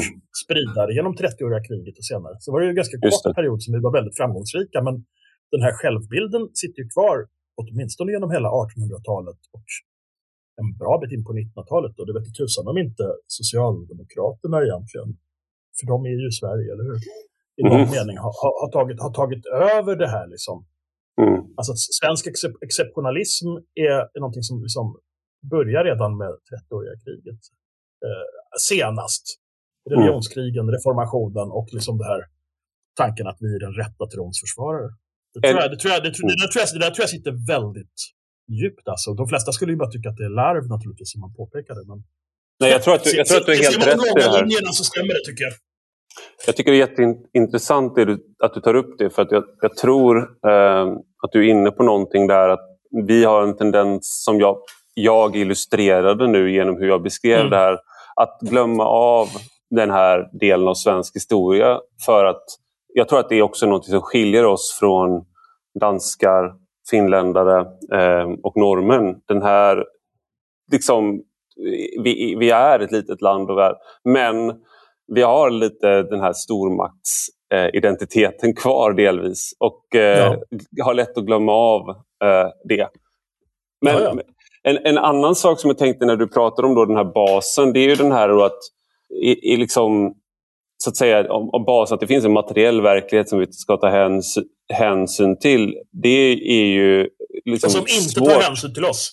Ja, som inte tar hänsyn till oss. Och det där är ju någonting som jag tror man pratar med. Det finns en viss typ av marxister idag som är helt, mm. eh, de är helt perifera till vänsterrörelsen nästan. Och ja. det är ju för att de är just har hållit kvar vid det. Mm. Eh, och det finns också då en som jag uppfattar där man kan eh, möta de marxisterna som då mer konservativ, som jag egentligen, jag vet inte om det är rätt ord, men där man då till exempel tycker att det finns en fysiologisk verklighet till exempel som påverkar hur vi är som män och kvinnor. Det finns en evolutionär förklar finns evolutionära förklaringar där man försöker just att relatera till en fysisk verklighet och det där är ju då någonting som både när du gör det som vänster och säger nej, Nej, du kan inte, liksom, du kan inte bara så komma med eufemismer och du kan inte bara liksom trolla bort förtryck genom att säga ett nytt ord. Utan det, det, det finns mm. maktasymmetrier som bara kan åtgärdas eh, med hjälp av en annan fördelning av, ekonomisk, av ekonomi. Till exempel. Exakt. Exakt. Det blir extremt provocerande. Och på samma sätt blir det extremt provocerande när man säger att nej, du kan inte trolla bort könsskillnader med hjälp av språk eller med hjälp av Eh, liksom, att vi säger hen. Utan det finns en fysisk verklighet som vi måste ta hänsyn till.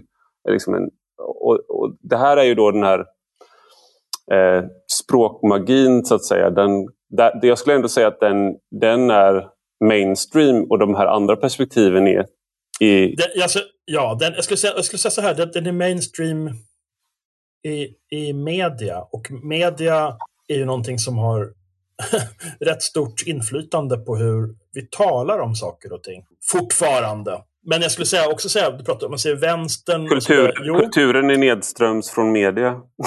jag skojar ja, bara. Jag skojar. ja, alltså media är ju... Med, ja, nej, nej men eh, alltså delvis är den ju dessvärre det. Mm. Uh, och, och media är väldigt dåliga på att hantera kultur. För det är som att det an, antingen ska det vara kommersiellt eller också ska det vara ideologiskt. Och eh, betydande, om jag säger så, konst och kultur går inte alltid att placera in. Den går inte alltid att sälja. Mm. Och den går inte alltid att placera in i någon sorts nyttosammanhang. Liksom och så vidare. Men jag skulle säga om det här, det här som du säger med um, den vänster så att säga som då har övergått till att ägna sig åt språkmagi och så vidare. Är det vänster verkligen? Är inte mm. det? Alltså nästan alla de där, alla de, om man tittar på vad de säger så resonerar de ju som liberaler. Mm. De kallar sig vänster och de, de har liksom vänsterpåser och sådär för sig, men de är ju i själva verket jag skulle säga att de ganska ofta är utpräglade, en sorts utpräglade, med, tror, kanske till och med omedvetet, men utpräglade liberaler av ett ganska konstigt slag dessutom egentligen. Mm. Uh, som, som är liksom, alltså för, för vilka som överhuvudtaget inte har någon genomtänkt ideologi, utan som bara har en uppsättning färdiga satser och åsikter så att säga, som är paketerade för dem av ytterst av en sorts PR-byråer som lär dem vad man ska säga och inte säga. Jag menar, för den här vänstern, om vi kallar den vänstern, vänstern citationstecken, som du pratar om, medievänstern av det slaget, så är liksom Ben Jerry är liksom en viktigare referens än, än Marx, skulle jag gissa. Och då, just, det, just Marx är väl överspelad i och för sig. Vad sa du? Mm. Ja, med Ben Jerrys eh, politiska kampanjer om, eh, och sådär, att de är man kan alltså äta... Jerry, ja. ja. de, är bara, de är bara ett av de tydligaste exemplen på företag som har, har så att säga inkorporerat eh, wokeness helt enkelt i, mm. i sin PR. Mm. Och det, ro, det roligaste tycker jag, det intressantaste med dem är att de ägs ju sedan många herrans år av av Unilever, vilket är ett av mm. världens stora, om man skulle vara liksom en gammaldags sån här uh, vänstermänniska, kanske till och med Naomi Klein på sin tid skulle vara liksom kunnat vara, hon kanske håller på fortfarande, jag vet inte, det var länge sedan jag såg men skulle vara skeptisk till det här att, ja, vad är det här? Ett stort multinationellt företag tillåter en liten glassavdelning att ägna sig åt, åt politik, liksom, som ett led i marknadsföringen. Mm. Det är väldigt smart, det, tycker jag. Ja, det är jättesmart, men det, är också, det, är också, det, är också det funkar ju bara det funkar ju bara för att vi inte har någon riktigt skärpt intellektuell vänster längre. Mm. Utan vi har de här med, med, mediala tomtarna som liksom inte som inte orkar läsa på utan som håller på att jaga, jaga små enstaka ord och som bara liksom lär sig. Jag vet inte, jag, jag har aldrig identifierat mig som vänster, men jag har, och jag har aldrig, aldrig, aldrig identifierat mig som höger heller vill jag påpeka. Men Jaha, har, ju... har du inte? Nej, men då, då, då får du inte vara med. Vad ska ja, men, men, men, men, men, men jag kan säga att så historiskt, om jag tänker på såna här alltså, person, alltså teoretiker och författare och forskare så som jag har läst, så är övervägande olika typer av vänsterskribenter och till och med uttalade marxister som jag har haft störst behållning av. Om vi pratar mm. om, om, om 1900-talet, Walter Benjamin till exempel är någon som jag ständigt återvänder till. Mm. Eh, även Adorno som för övrigt är eh, helt olik sitt rykte. Han var ju fruktansvärt konservativ och elitistisk i själva verket. Uh, och andra ha, där. Hans, eh, nu rör vi oss återigen, men eh, ja, Adorno, jag läste en del liksom Adorno i, vad ska man säga, i, traderat genom andra på senare tid, genom Christopher Lush och, mm. och eh, Ivan Illich och sådär. Men och då är det ju just den här, det som var, som jag tror många skulle snarare uppfatta som höger, var ju att han, han tyckte ju liksom att populärkulturen till exempel var ett sätt, det var så att säga ett, ett opium för folket på samma sätt som religionen för Marx hade varit det. Så att liksom, ja. Man dövar arbetarklassen, man dövar människor genom fotboll och liksom eh, och sådär. Ja. Och det där är ju... Det där, det Hade där han inte rätt då? Jo. Det, det är också en, en syn på, eh, på, vad ska man säga, på människan som kan, kan vi bli mer än det vi är just nu och vad är det som hindrar oss från att bli det. Jag är ju så att säga mer i... När man läser en sån som Adorno så börjar man ju... Då, jag kallar mig ju höger, det heter ju rak höger, liksom, ja, visst, min visst. publikation. Men det enda liksom, det som gör mig till höger idag är ju, är kulturkriget framför allt. Det är där, mm. jag, det är där jag har positionerat mig.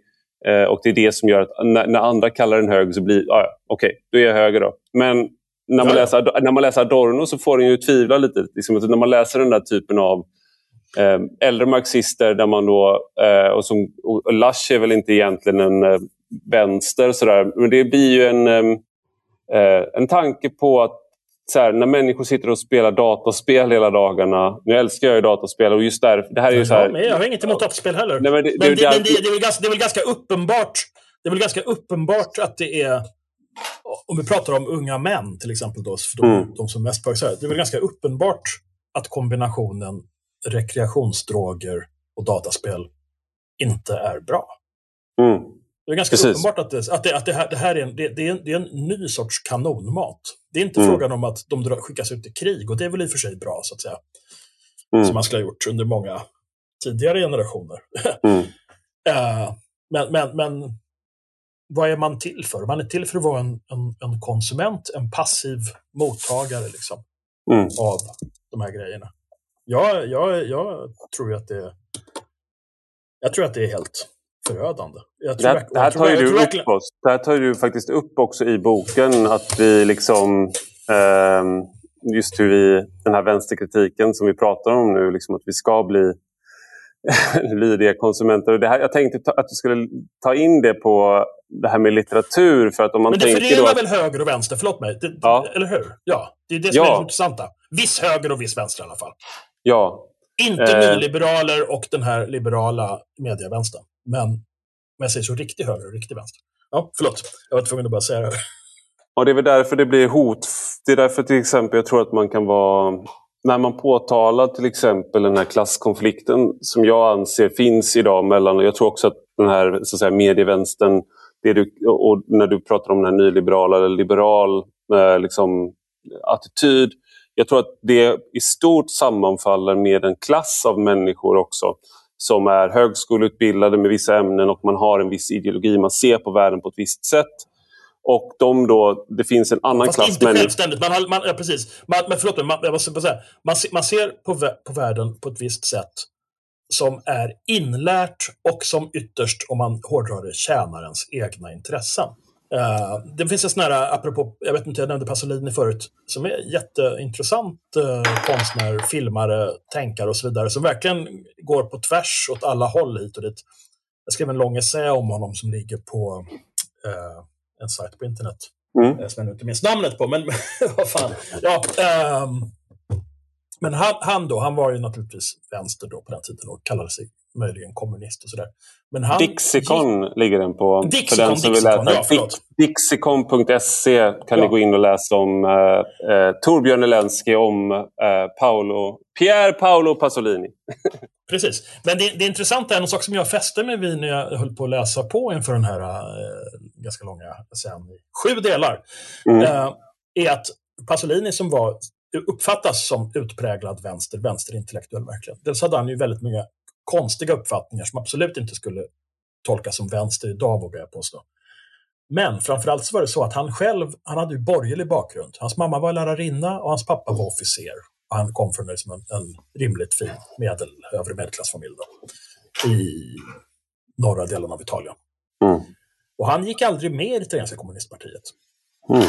Av den enkla anledningen att han ansåg att Nej, objektivt sett då, eh, marxistisk renlärighet. Objektivt sett så kan inte jag, det här går emot mina klassintressen och de är jag så att säga på något sätt bunden av. Inte för att jag vill, utan för att det är så världen är ordnad. Så det vore, det, jag, det vore inte bra för kommunistpartiet om jag gick med i det. Så hade jag med i det. Eh, det, är det, är lite, det är lite, kan ju verka lite galet på något sätt, men, men också, rätt, också rätt fascinerande liksom, hur man ja. verkligen tar konsekvenserna av sin uppfattning. Ja. Mm. Men det där är... Det, det, vad ska man säga? En del av de här äldre eh, tänkarna, de, det är det här som gör att man kan vila sig ibland i äldre text. Det här, det här om att kunna läsa vad, vad folk, hur de tänkte och vad de sa för 100 eller 200 år sedan eller 2000 mm. år sedan för den delen. Det är ju liksom en... Man kan ju vila sig från samtiden i text på ett sätt Absolut. som är omöjligt med då, skulle varit omöjligt om vi inte hade text. Och Det är därför man kan känna, det är, det är, också där jag kan tänka ibland när man hör dem om utgallringar av böcker för att de har ett felaktigt ord eller någonting då kan det kännas som att man blir av med samtalspartners, möjliga samtalspartners. Att okay, de ska inte finnas på biblioteket längre. Så även om då man kan ironisera och säga ah, varför blev du plötsligt intresserad av Bengt Anderberg, Ivar? Nej, okej. Okay. Jag hade inte läst eh, om honom eh, innan. Jag, jag, jag, jag, hade inte läst någon bok av honom. Men tanken på att det, no att det finns en sån där utgallringsmekanism då, som städar mm. historien så att när jag väl ska gå till eh, arkiven, när jag väl ska gå till biblioteket eller någon annan ska göra det, då finns inte de här orden kvar. Då finns inte de här människornas världar kvar. Och det, mm. det är ju liksom en... Det, det känns för mig som en dystopi. Alltså jag, får en sån känsla av, eh, jag får en känsla av någon slags här klaustrofobi av den tanken. att det, någon, ja. det finns liksom inte, Egentligen är det inte en person utan det är en, en tidsanda som gör det här, men att det, det städas, det städas liksom, eh, på fast, fast det, det, Visst är det en tidsanda, men det är ju också hela tiden bestämda, konkreta personer som fattar de avgörande besluten. Och det är mm. hela tiden personer som, om man skärskådar dem, så har ju de personliga intressen av det här. Det är ju inte så att mm. någon, återigen, jag känner mig verkligen som att jag är en sorts marxist idag, men det är ju, det är ingen, det är nästan ingen som av rent idealistiska skäl gör det. Alltså när till mm. exempel, när olika tjänstemän som administrerar kulturlivet inför olika typer av eh, krav och kriterier och kontroller och sånt där. Då är det ju inte bara det att de tycker att det är jätteviktigt med representation och mångfald och så vidare. Allting. De skapar ju jobb åt sig själva. Mm. De skapar jobb åt sig själva så att de ska kunna administrera det här och kontrollera att det är rätt antal kvinnor, rätt antal rasifierade och så vidare. Så. Det, det, mm. det, det, det är ju en sorts, det är väl inte en jätte industri, men det är ju trots allt en växande eh, del av samhället som håller på med det här. Och det är en del som dessutom i rätt hög grad har makt över mm. via medier, myndigheter, eh, PR-branschen och så vidare. Liksom. Mm. För, dem är, för, dem är det här, för dem är det här viktigt för att det garanterar deras uppehälle. Vilken roll så hade det här... cyniskt ser jag på det. Ja, men jag tror att du har helt rätt i det här. Men jag, någonting som jag, eh, som jag... När man rör sig då mellan, genom historien och pratar om de här grejerna och, och liksom, så här, tänker jag på vilken eh, yrkeskategori motsvarar de här historiskt. För att det är, det är människor som arbetar på något sätt med ideologiproduktion och mm. arbetar med eh, att föra ut den rätta tron på, på något sätt. Så att det är en, det är den här känslan av ett husförhör. Alltså, ja. du, liksom, kan du din katekes? Ha, tycker du på rätt sätt? Mm. Eh, det är den känslan jag tycker återkommer. Med, eller, eller om man ska vara ännu hårdare, en inkvisition i vissa fall. Mm. Där... Eller, eller politiska kommissarier som såna här som fanns i, liksom i Sovjet i, på alla arbetsplatser och allting som såg till så att folk tänkte rätt. Jag ja. menar, poli, det här politiskt korrekt är ett, ett uttryck som har gjort en massa underliga turer genom världen, men från början så är det ju faktiskt, eh, om inte jag missminner mig alldeles, så är det ju faktiskt någonting som myntades eh, inom stalinismen och som helt enkelt gick ut på att ja, det som är politiskt korrekt är det som är, så att säga, ska, man får säga, man ska säga. Det har mm. ingenting att göra med exakt hur sanningen eller verkligheten ser ut, utan det har att göra med hur det är önskvärt att den ska vara och att den ska tolkas. Mm det är ju en del som har försökt rädda det där och försökt få det till att ja, men det är fint, politisk korrekthet är fint och så vidare. Ja, okej. Okay. Det, är klart att det, det är klart att det är bra att vara snäll. Det är klart att det är bra att vara korrekt och respektfull mot alla människor, inte minst mot stödare Mm. och svarta. Men, men, men, men, ehm, men politisk korrekthet är någonting annat, värre och farligare. Det är också, det är också så att säga någonting som finns i alla de här, i alla religiösa sammanhang, speciellt när det blir stora organisationer, liksom i politiska sammanhang och så vidare. Det är ju alla de här som, som bara liksom fyller upp bulken av folk liksom, som, som, som eh, vare sig håller med eller gör motstånd, utan som bara liksom jobbar på. Liksom. Mm. Eh, och för, för dem, inklusive de som är verksamma i offentligheten av dem, så är ju liksom politisk korrekthet är ju jättebra, för det är ju en krycka. Man vet vad man ska tycka, man vet vad man ska säga, och så gör man det. Mm. Jag brukar bena, jag fick faktiskt det här in- influensen till det här av en, en, en bekant för många herrans år sedan, men jag har liksom vårdat och utvecklat det själv, så jag betraktar det som mitt numera. nämligen, det här att, nämligen det här att man pratar om att så många alla är vänster i kulturen. Mm. Alla i kulturlivet är vänster, eller många i alla fall. Och jag skulle säga att, ja, går man in på det lite mer, det beror på hur man avgränsar kulturen, går man in på det lite mer och går liksom utanför kultursidesvärlden, som ändå är en väldigt begränsad del av kulturen, Mm. Då kanske de flesta faktiskt inte är vänster. Och väldigt många av dem som uttrycker sig som om de vore vänster, om man börjar lyssna på dem så har de just den här de har just den här liksom, papegojaktiga stilen. Man känner igen Mm. människor som har lärt sig saker som propaganda genom att Mm. upprepa dem utan att kunna argumentera för dem. Mm. Precis så är det ju för många av de här så att säga, i kulturoffentligheten som yttrar sig. Det är därför de blir så oerhört arga på all kritik. Det är därför de hatar dig. Ja, för, att, för, för, att, för att de kan ju inte svara på frågor du ställer och sånt där. För att det, Mm. skulle, de, de, det går inte helt enkelt. Jag har ju varit en del på Kuba tidigare, Mm. det var ett tag sedan nu, men där, där, där har jag ju fått uppleva en del av de här sakerna väldigt påtagligt, nästan i karikerad form. Och Mm. där, där lärde jag mig liksom det här att, ja, till exempel skolelever. Det var en tjej där motsvarande högstadiet tror jag som skulle hålla någon sorts tal på ett litet torg i samband med en manifestation. Alla elever där med vita skjortor och röda halsdukar och såna saker. Röda Mm. halsdukar runt halsen. Eh, och så skulle hon repetera talet och pratade innan. Och så här, ja, revolutionen har gett oss det här och det här och gjort det här och det här. Och så var jag lite elak då och så, började argumentera emot. Så här, men är det verkligen revolutionen som har gett det här? Det finns väl utbildning i andra länder också? Och förresten, de här Adidas-skorna du har, är det revolutionen som gett det? Är inte det din, är inte det din farbror som bor, som bor liksom utomlands som har skickat dem till dig? Men, och- och nu var ju hon liten, så det var lite orättvist. Men, Ja. men poängen är densamma. När folk, när folk lär sig vad man ska säga och inte säga på Mm. det sättet som man då gör i diktaturer, då kan de inte heller argumentera för det. Då är det inte uppfattningar och åsikter som de så att säga själva har jobbat sig fram till. Och jag skulle säga att det är egentligen den, större faran med politisk korrekthet. Att folk faktiskt blir intellektuellt och moraliskt slappa av den. Mm. Det här Och är det ju där- någonting som när jag läste statsvetenskap och när jag började plugga, när jag, läs, jag läste filosofi först Mm.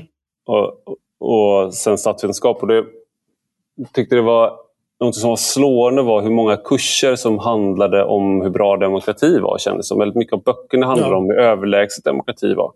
Ja. Och, eh, jag säger inte att demokrati inte är det, men... Nej, nej, nej. Jag, jag, Akta dig! när man, ja, Någon precis. kommer fultolka dig bara för att du sa sådär nu. Ja, exakt. Och det är det som är poängen här. Liksom att, jag säger inte att alla kurser är så här, för jag vet, jag pratade med en, eh, en kille som studerar som är tio år yngre. Han hade läst en kurs om demokrati där han tyckte just att det var väldigt bra. Jag har också läst kurser som är bra där man blir utmanad. Men Mm. det, det finns en sån där ådra i, liksom, är vi inte en, liksom, det finns den här propagandan om en annan, kanske mer tydligt exempel är mänskliga rättigheter där när du börjar om du ska börja diskutera liksom, var, var kommer de ifrån och, och är, Mm. det liksom, är det alltid bra? Eller liksom sådär, då är du inne på ett väldigt... Eh, så här, att du börjar ifrågasätta det där. Då kan du, ibland kan man komma till en sån där punkt... När jag var yngre så, så höll jag på mycket med det här när man är på fester och sånt där. Och då kunde man komma till en... och, då, och, då, och då kunde man komma till en sån punkt där någon bara liksom slutar prata med en och bara tittar på en och säger Respekterar inte du alla människors lika värde? Alltså det var så här en, eh, en, som en showstopper så att säga. där eh, Vi kan inte diskutera de här sakerna utan du behöver säga ja eller nej. Mm. Eh, och det är, liksom, det är lite så här jag tänker ibland på eh, om man, apropå att känna sig eh, liksom att förstå att människan är sig lik men, men föremålen för liksom, oenighet är, är, ändras. Så de här första kyrkomötena handlade till viss del om till stor del om eh, till vilken substans sonen bestod av, alltså Jesus ja, bestod av. Var det, ja. var det samma substans som fadern eller var det bara ja. en liknande substans? Och Det här var liksom en jättestor eh, konflikt. Och samma mm. sak med liksom den eh, ostrogoterna. Mycket har man skrivit om så att romarriket, eh, att det fanns liksom en så här, barbarerna kom till romarriket och det var så här, germaner mot romare. och det var så här, Man framställt som en etnisk konflikt, men det fanns också en, mm. en religiös dimension. att ostro, Ostrogoterna var arianer till stor del och där mm. alltså inte trodde att Jesus eller sonen hade inte varit närvarande fysiskt så att den lidande guden fanns inte med i arianismen. Mm. Och Det här var ju då kätterskt så det fanns liksom en, eh, ett, eh, eh, en, en, dimension där, det fanns en, religiöst, liksom, en religiös fientlighet eller oenighet. I alla fall, mm. den här typen av, liksom, för mig då, när man står utanför med 1700 år senare ungefär, så kan det kännas som att okej, okay, vilken substans sonen bestod av är liksom inte, det känns inte som en jätterelevant fråga. Men mänskliga rättigheter är i grund och botten ungefär samma teologiska fråga. Det vill säga, består alla människor av samma substans eh, rent moraliskt och är vi ett eller är vi flera? Alltså det, mm. det är ungefär samma fråga. Det är bara det att man nu pratar om eh, människo, människan och inte om, om Gud. Eh, det, det, det, vi, vi är liksom inne i, i liksom då en... Då är vi inne både i en språklig... Eh, så här rent språkligt, att det blir verkligen otroligt viktigt hur du säger gudsbekännelsen till exempel. Ja. Eh, vilken ordning och, eh, och sådär. Och sen eh, på samma sätt så har vi, är det extremt viktigt idag att du säger trosbekännelsen på rätt sätt. Ja, absolut. Absolut, det, vilket är fullkomligt uh, vansinnigt för att i själva verket så är det ju så att det, man tror väl, verkar som, att det här ska stärka de här grejerna, men det, det, det gör är att det försvagar dem i själva verket. För att när man inte kan argumentera för någonting, så, när man inte förstår någonting, när man inte tvingas tänka igenom någonting, och tänka igenom innebär att man även måste kunna kritisera det, då kan man inte argumentera för det. Jag har en god vän som har varit eh, hög diplomat i Kina, mm. ambassadör, under många år, som kan flytande kinesiska och allting. Eh, och han har, han har skrivit om det här själv, så jag antar att jag kan säga det. Men, um, han, han berättade att när, det var en katastrof när det kom svenska liksom, tjänstemän till Kina. Och de skulle ha möten och prata om just mänskliga rättigheter och demokrati och såna här saker. För de här svenska tjänstemännen, de kan inte historien, de kan inte filosofin. De, kan, de vet att det är bra och de vet att det är på något sätt snällt, för att uttrycka sig lite larvigt. Men, mm. men, de kan, men de kan inte riktigt argumentera för varför. Mm. Och då, då är det liksom så här, en, en, kinesisk tjänsteman på hög nivå, han kan kinesisk historia, han kan kinesisk idéhistoria, han kan argumentera för och emot olika saker. Och om, om det kommer liksom en liten fjant från Sverige och säger ja, mänskliga rättigheter är bra, och den säger mm -hmm, ja, varför är det bra? Vad innebär de? Är inte mm. mänskliga rättigheter i själva verket bara ett, sätt att, ett, ett nytt sätt att maskera västerländsk imperialism? Mm. Och då svensken, inte, svensken kan inte svara på det. Liksom. Det finns säkert några enstaka tjänstemän som kan det, men enligt den, den är min gode vän så var det, var det verkligen ett bekymmer. Att de klarar inte, de känner inte till den västerländska, vår egen idéhistoria, vår egen filosofihistoria. Och därmed kan de inte ens förstå, eh, de kan inte ens förstå hur det kommer sig att vi har demokrati, mänskliga rättigheter och sådana saker. Det, mm. finns ju, det finns ju så att säga en antikolonial syn på, eh, eller inte antikolonial, postkolonial menar jag, liksom en, en antiimperialistisk, anti, ja, antikolonialistisk syn på mänskliga rättigheter som förekommer både i Kina, Indien, i arabvärlden och så vidare, där man faktiskt menar att ja, nej, men det, här är, det här är västerländskt. Det här är inte alls universellt. Mm.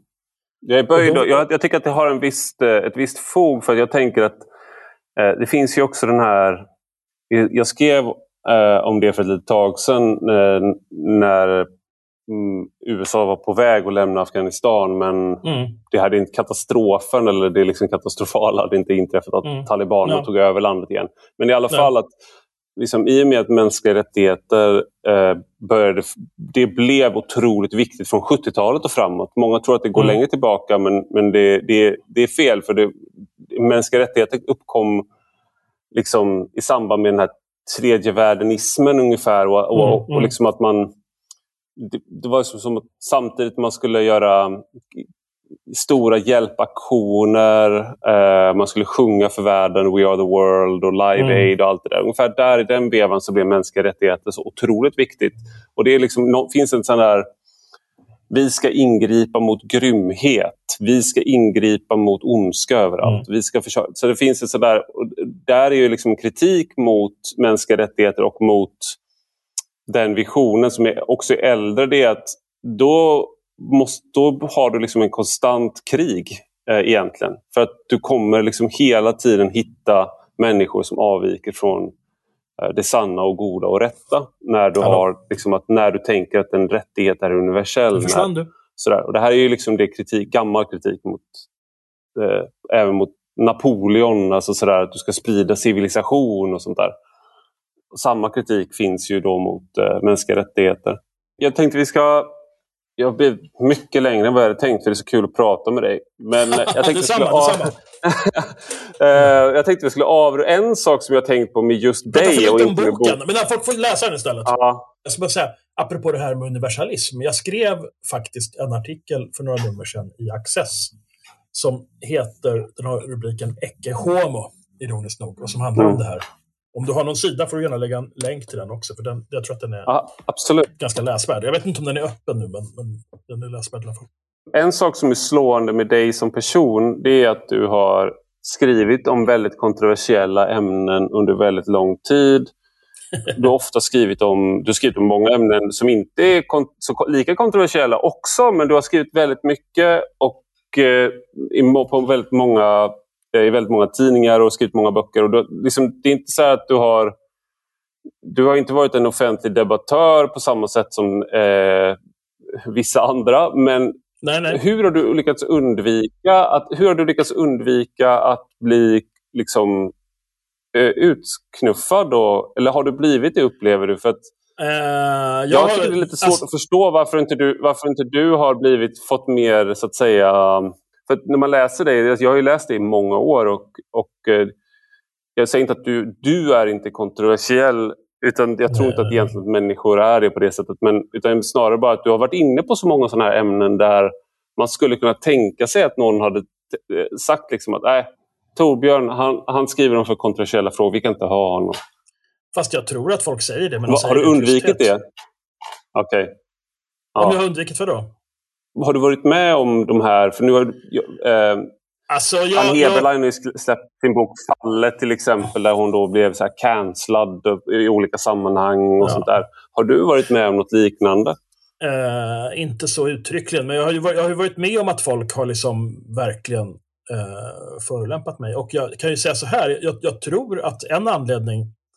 Jag, jag, skrev ju först i Svenska Dagbladet, sen skrev jag i DN och sen skrev jag i svenskan igen då sen ett tio år eller vad det är nu. Jag kan inte, jag har tappat alla tidsperspektiv.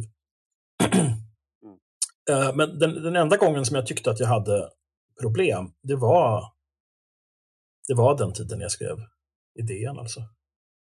Men det kommer ju inte fram. Jag vill, jag, men grejen är att som jag funkar så blir jag, då vill, jag vill skriva mer om det här kontroversiella. Alltså det funkar precis tvärtom mot mig. Jag har någon sån där tonårsinstinkt som jag inte kommer över som börjar säga att Nej, fan i helvete. Om ni vill att jag inte ska skriva om det här, då ska jag verkligen ägna mig åt det. Jag ska läsa på. Och jag ska kunna mer om det än ni och jag ska kunna argumentera om det för att jag tycker att det här är viktigt. Mm. Och, jag tycker, och jag tycker att det är liksom ett, ett självändamål att kunna, att man måste kunna diskutera och ta i svåra och kontroversiella frågor. Och då vill jag säga det har liksom två sidor. Jag tycker både att det är viktigt att se det, det är viktigt så att säga att genomskåda förgivettaganden, sånt som tas som självklart. Det gäller, jag vill försöka förstå, så här, ja, som du säger här, som pratar, om man pratar om mänskliga rättigheter, det är jätteintressant. Jag är ju för mänskliga rättigheter. Eh, I någon mening. Alltså jag är ju inte för, jag är emot tortyr och så vidare. Jag menar, herregud, ska jag behöva räkna upp mm. allt det? Men, men, men, men, men jag, jag, jag, är också, jag, är också, jag är också emot den här papegoj inställningen där man liksom bara rakt upp och ner ska svälja saker. Mm. Jag vill, jag vill så att säga, jag vill så att säga, jag vill upptäcka det Alltså jag, jag, vill hela, det, det, nästan, det blir nästan geometriskt. Jag vill upptäcka liksom det enkla i det som är komplicerat och det komplicerade i det som är enklare. Jag vill upptäcka det som är självklart i det som folk tycker är underligt och udda. Och jag vill upptäcka det som är självmotsägande och udda och i själva verket problematiskt med det som folk tar för självklart. Jag tycker det här är, om, om en intellektuell, jag kallar mig skamlöst för intellektuell, mm. har någon uppgift så måste det ju vara den här. Mm. Det måste ju vara den här att liksom hela tiden på något sätt kamma, eller vad säger man, mothårs liksom. Det, det, måste vara, det kan, det kan inte vara, uppgiften kan inte vara att vara trevlig. Uppgiften kan inte vara att sitta liksom på någon redaktion och upprepa att ja, mänskliga rättigheter är bra och det här är bra och den är snäll och den är fin och den är dum och den är dålig. Nazism är dåligt, klimat är bra, okej, okay, ja, ja, visst. Men hur intressant är det? Jag har skrivit massor av artiklar om till exempel just nazism faktiskt, man återkommer till det hela tiden eftersom det är själva mm. den yttersta ondskan liksom. Om antisemitism och allt möjligt. Men jag har också skrivit om, och vill jag då hävda, ganska tidigt om just islamism inte minst. Mm. Ja, precis. Det, det, det, är en sån där du var, var väldigt tidig. Och det är ja. även i... Liksom, jag, Men det straffar sig. Det straffar sig. Mm. Det märks inte mm. utåt kanske. För att jag menar, om jag säger så här. de, de listigaste och skickligaste av de här personerna som så att säga funkar som gatekeepers, de, de är ju inte sådana som... De, de, de, de tar inte debatter och de skäller inte ut folk, de säger inte emot, utan det de gör är att försöka tysta man vill mm. inte, om det är någon som är, alltså att vara, om det är någon som, som så att säga är störande och avvikande, då, då ser man till att den inte får uppdrag. Ser man till att mm. den inte får någon position, då ser man till att den hamnar i ekonomiskt, under ekonomiskt prekära omständigheter. Alltså om jag, jag kan, säga, jag kan säga att om inte det hade varit för eh, att det också under de senaste 20 åren har skapats tidningar och kanaler som Access, att svenskan och inte minst understrecket faktiskt fortfarande är en bastion där det finns utrymme att skriva om kontroversiella saker. Jag har mm. två sträckare på gång, en om luditer och mm. en om eh, eh, konstförstörelse, bildstorm. Liksom. Mm. Som bägge är återigen kontroversiella ämnen, mm. men viktiga ämnen. Mm. Men om, om, om, om jag hade varit så att säga hänvisad till DN världen, för att uttrycka sig lite förenklat, då hade jag inte varit skribent eller författare. För att där fanns det de som verkligen inte ville att jag skulle få hålla på. Och det var mm. aldrig någon som rakt upp och ner sa det till mig, men man, kände, man kände liksom av vartåt det barkade. Vad man fick ja på, vad man inte fick svar på, när man plötsligt inte fick, när jag då plötsligt inte fick recensionsböcker utan förklaring och så vidare. Alltså det, det, det är jävligt groteskt det, är därför jag säger av egen erfarenhet att jag tror att det mesta, det mesta av sån här liksom utfasning av folk ur offentligheten, det sker inte alls sådär st stor, vad ska jag säga, stor, storvulet eller, eller, eller inför, inför offentligheten som när Ann Heberlein blev deplattformerad, utan det sker i tysthet, det sker diskret, det sker bakom, det sker i stängda rum, ingen vet om det, ingen märker av det, Folk förlorar sina tjänster, folk förlorar sina uppdrag. Mm. De flesta, nu har inte jag någon familj och så jag har aldrig behövt försörja någon annan. Det har ju varit en, en sorts lyckat mitt i alltihop, för att annars skulle det mm. aldrig ha gått. Det skulle aldrig ha gått. Mm. Och jag, återigen, det är alltid farligt man säger sånt här om sig själv, men jag är nog ganska säker på att om, inte, om jag hade varit egentligen framförallt lättare att placera, för jag mm. tror att folk, mer än att jag skulle vara kontroversiell, tror jag att folk har svårt att placera mig. De kan inte riktigt lita på vad de har mig. Och det är precis så Nej. jag tycker man ska vara som intellektuell, återigen. Verkligen. Men om, om, om, om jag hade varit lättare att placera, då tror jag att jag hade, då hade jag haft en position. Då hade jag varit redaktör eller chef någonstans. Eller liksom. men, Det här, är, men, det här återkommer hela... Det är, liksom, det är en sak som jag... Eh, Obs, jag gnäller inte, jag konstaterar bara. För jag är väldigt nöjd med min position och jag är helt fri. Mm. Ja, nej, men det, det, det är mer än eh, hur, hur systemet funkar. Och jag tror, jag tror att det, det är också så man tillsätter chefer, inte bara på kultursidor utan även eh, på ledarredaktion kanske tydligare. Att man, liksom, man väljer säkra kort snarare. Ja. Och det är sådär. Men eh, en sak jag tänkte bara med när man väljer kontroversiella ämnen. En vanföreställning eh, som, eller som jag anser är en vanföreställning, det är att man njuter av provokation. Det kan, jag ska Ja. inte säga att det inte finns... ehm, det, att det, att det, det är klart att det finns ett sånt mått i vissa och att vissa är mer sådana än andra. Men för mig och, och för många andra så tror jag i alla fall att man, anledningen till att man skriver om sådana ämnen är ju att de ofta är väldigt viktiga och att det är där anledningen till att de anses kontroversiella är för att det finns en levande politisk konflikt där. Och då tycker man Mm. att okej, men här måste vi faktiskt, okej, vad är det vi pratar om? Vad, finns, vad är det som står på spel här? Och då, men när man då ägnar sig åt att den här typen, då kan folk bli, bli så här, ja, du tycker om att hålla på och pe- Varför ska du hålla på och peta? Jag har fått det många gånger. Liksom, varför ska du hålla på och Mm. peta i de här frågorna? Ja, för att det här är viktiga frågor. Ta islamism till exempel. Det är en viktig Mm, fråga. Och mm. det var svårt att diskutera. Det Ja. är fortfarande svårt att diskutera. Det är, fort, men det är en Ja, levande helt politisk vansinnigt att det konflikt. fortfarande är svårt alltså. Ja, och det, och det där är ju det är inte för att jag tycker att eh, åh vad det ska bli kul att liksom röra runt i grytan eller sådär. Utan det är för att jag genuint tycker att det här är viktiga frågor. Om jag går tillbaka, jag har gått tillbaka ibland och kollat vad jag skrev om mina gamla anteckningar från när jag var student och sånt där. Och liksom vad jag skulle skriva uppsats om och idéer och Mm. sånt. Och förvånansvärt eh, många av de intressen jag hade då har jag fortfarande nu. Och eh, Ja, det är för att jag tyckte det var sp- spännande ämnen som jag fortfarande tycker är spännande. Mm. Ehm, Nej, men jag, jag, jag, jag, håller, jag håller med. Jag menar, vad, vad, är, vad, är, vad är poängen med att hålla på, någonting, hålla på med någonting som inte är svårt? Om jag säger så. Vad är, vad är poängen? Vill man inte ha en utmaning? Vill man inte tvingas tänka till? Vill man, jag vill det. Jag vill själv bli utmanad. Jag vill absolut inte. Jag avskyr verkligen ur djupet av mitt hjärta. Jag avskyr det här vanligaste svenska maktmedlet som helt enkelt är att tiga ihjäl.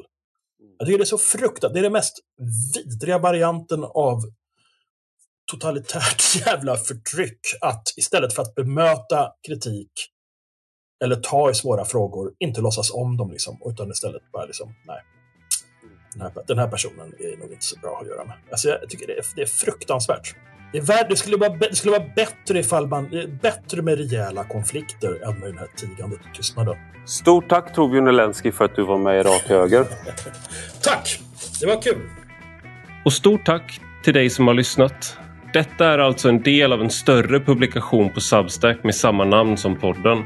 Den som prenumererar där får två texter i veckan utöver den här podden varje söndag. Gillar man det man läser och hör så får man gärna bli betalande prenumerant för 5 euro i månaden eller 50 om året. Och då får man också ta del av lite extra material som är exklusivt för betalande prenumeranter. Du hittar rubbet på ivararpi.se. Och har du några frågor eller synpunkter kan du alltid mejla mig på ivararpi Vi hörs om en vecka.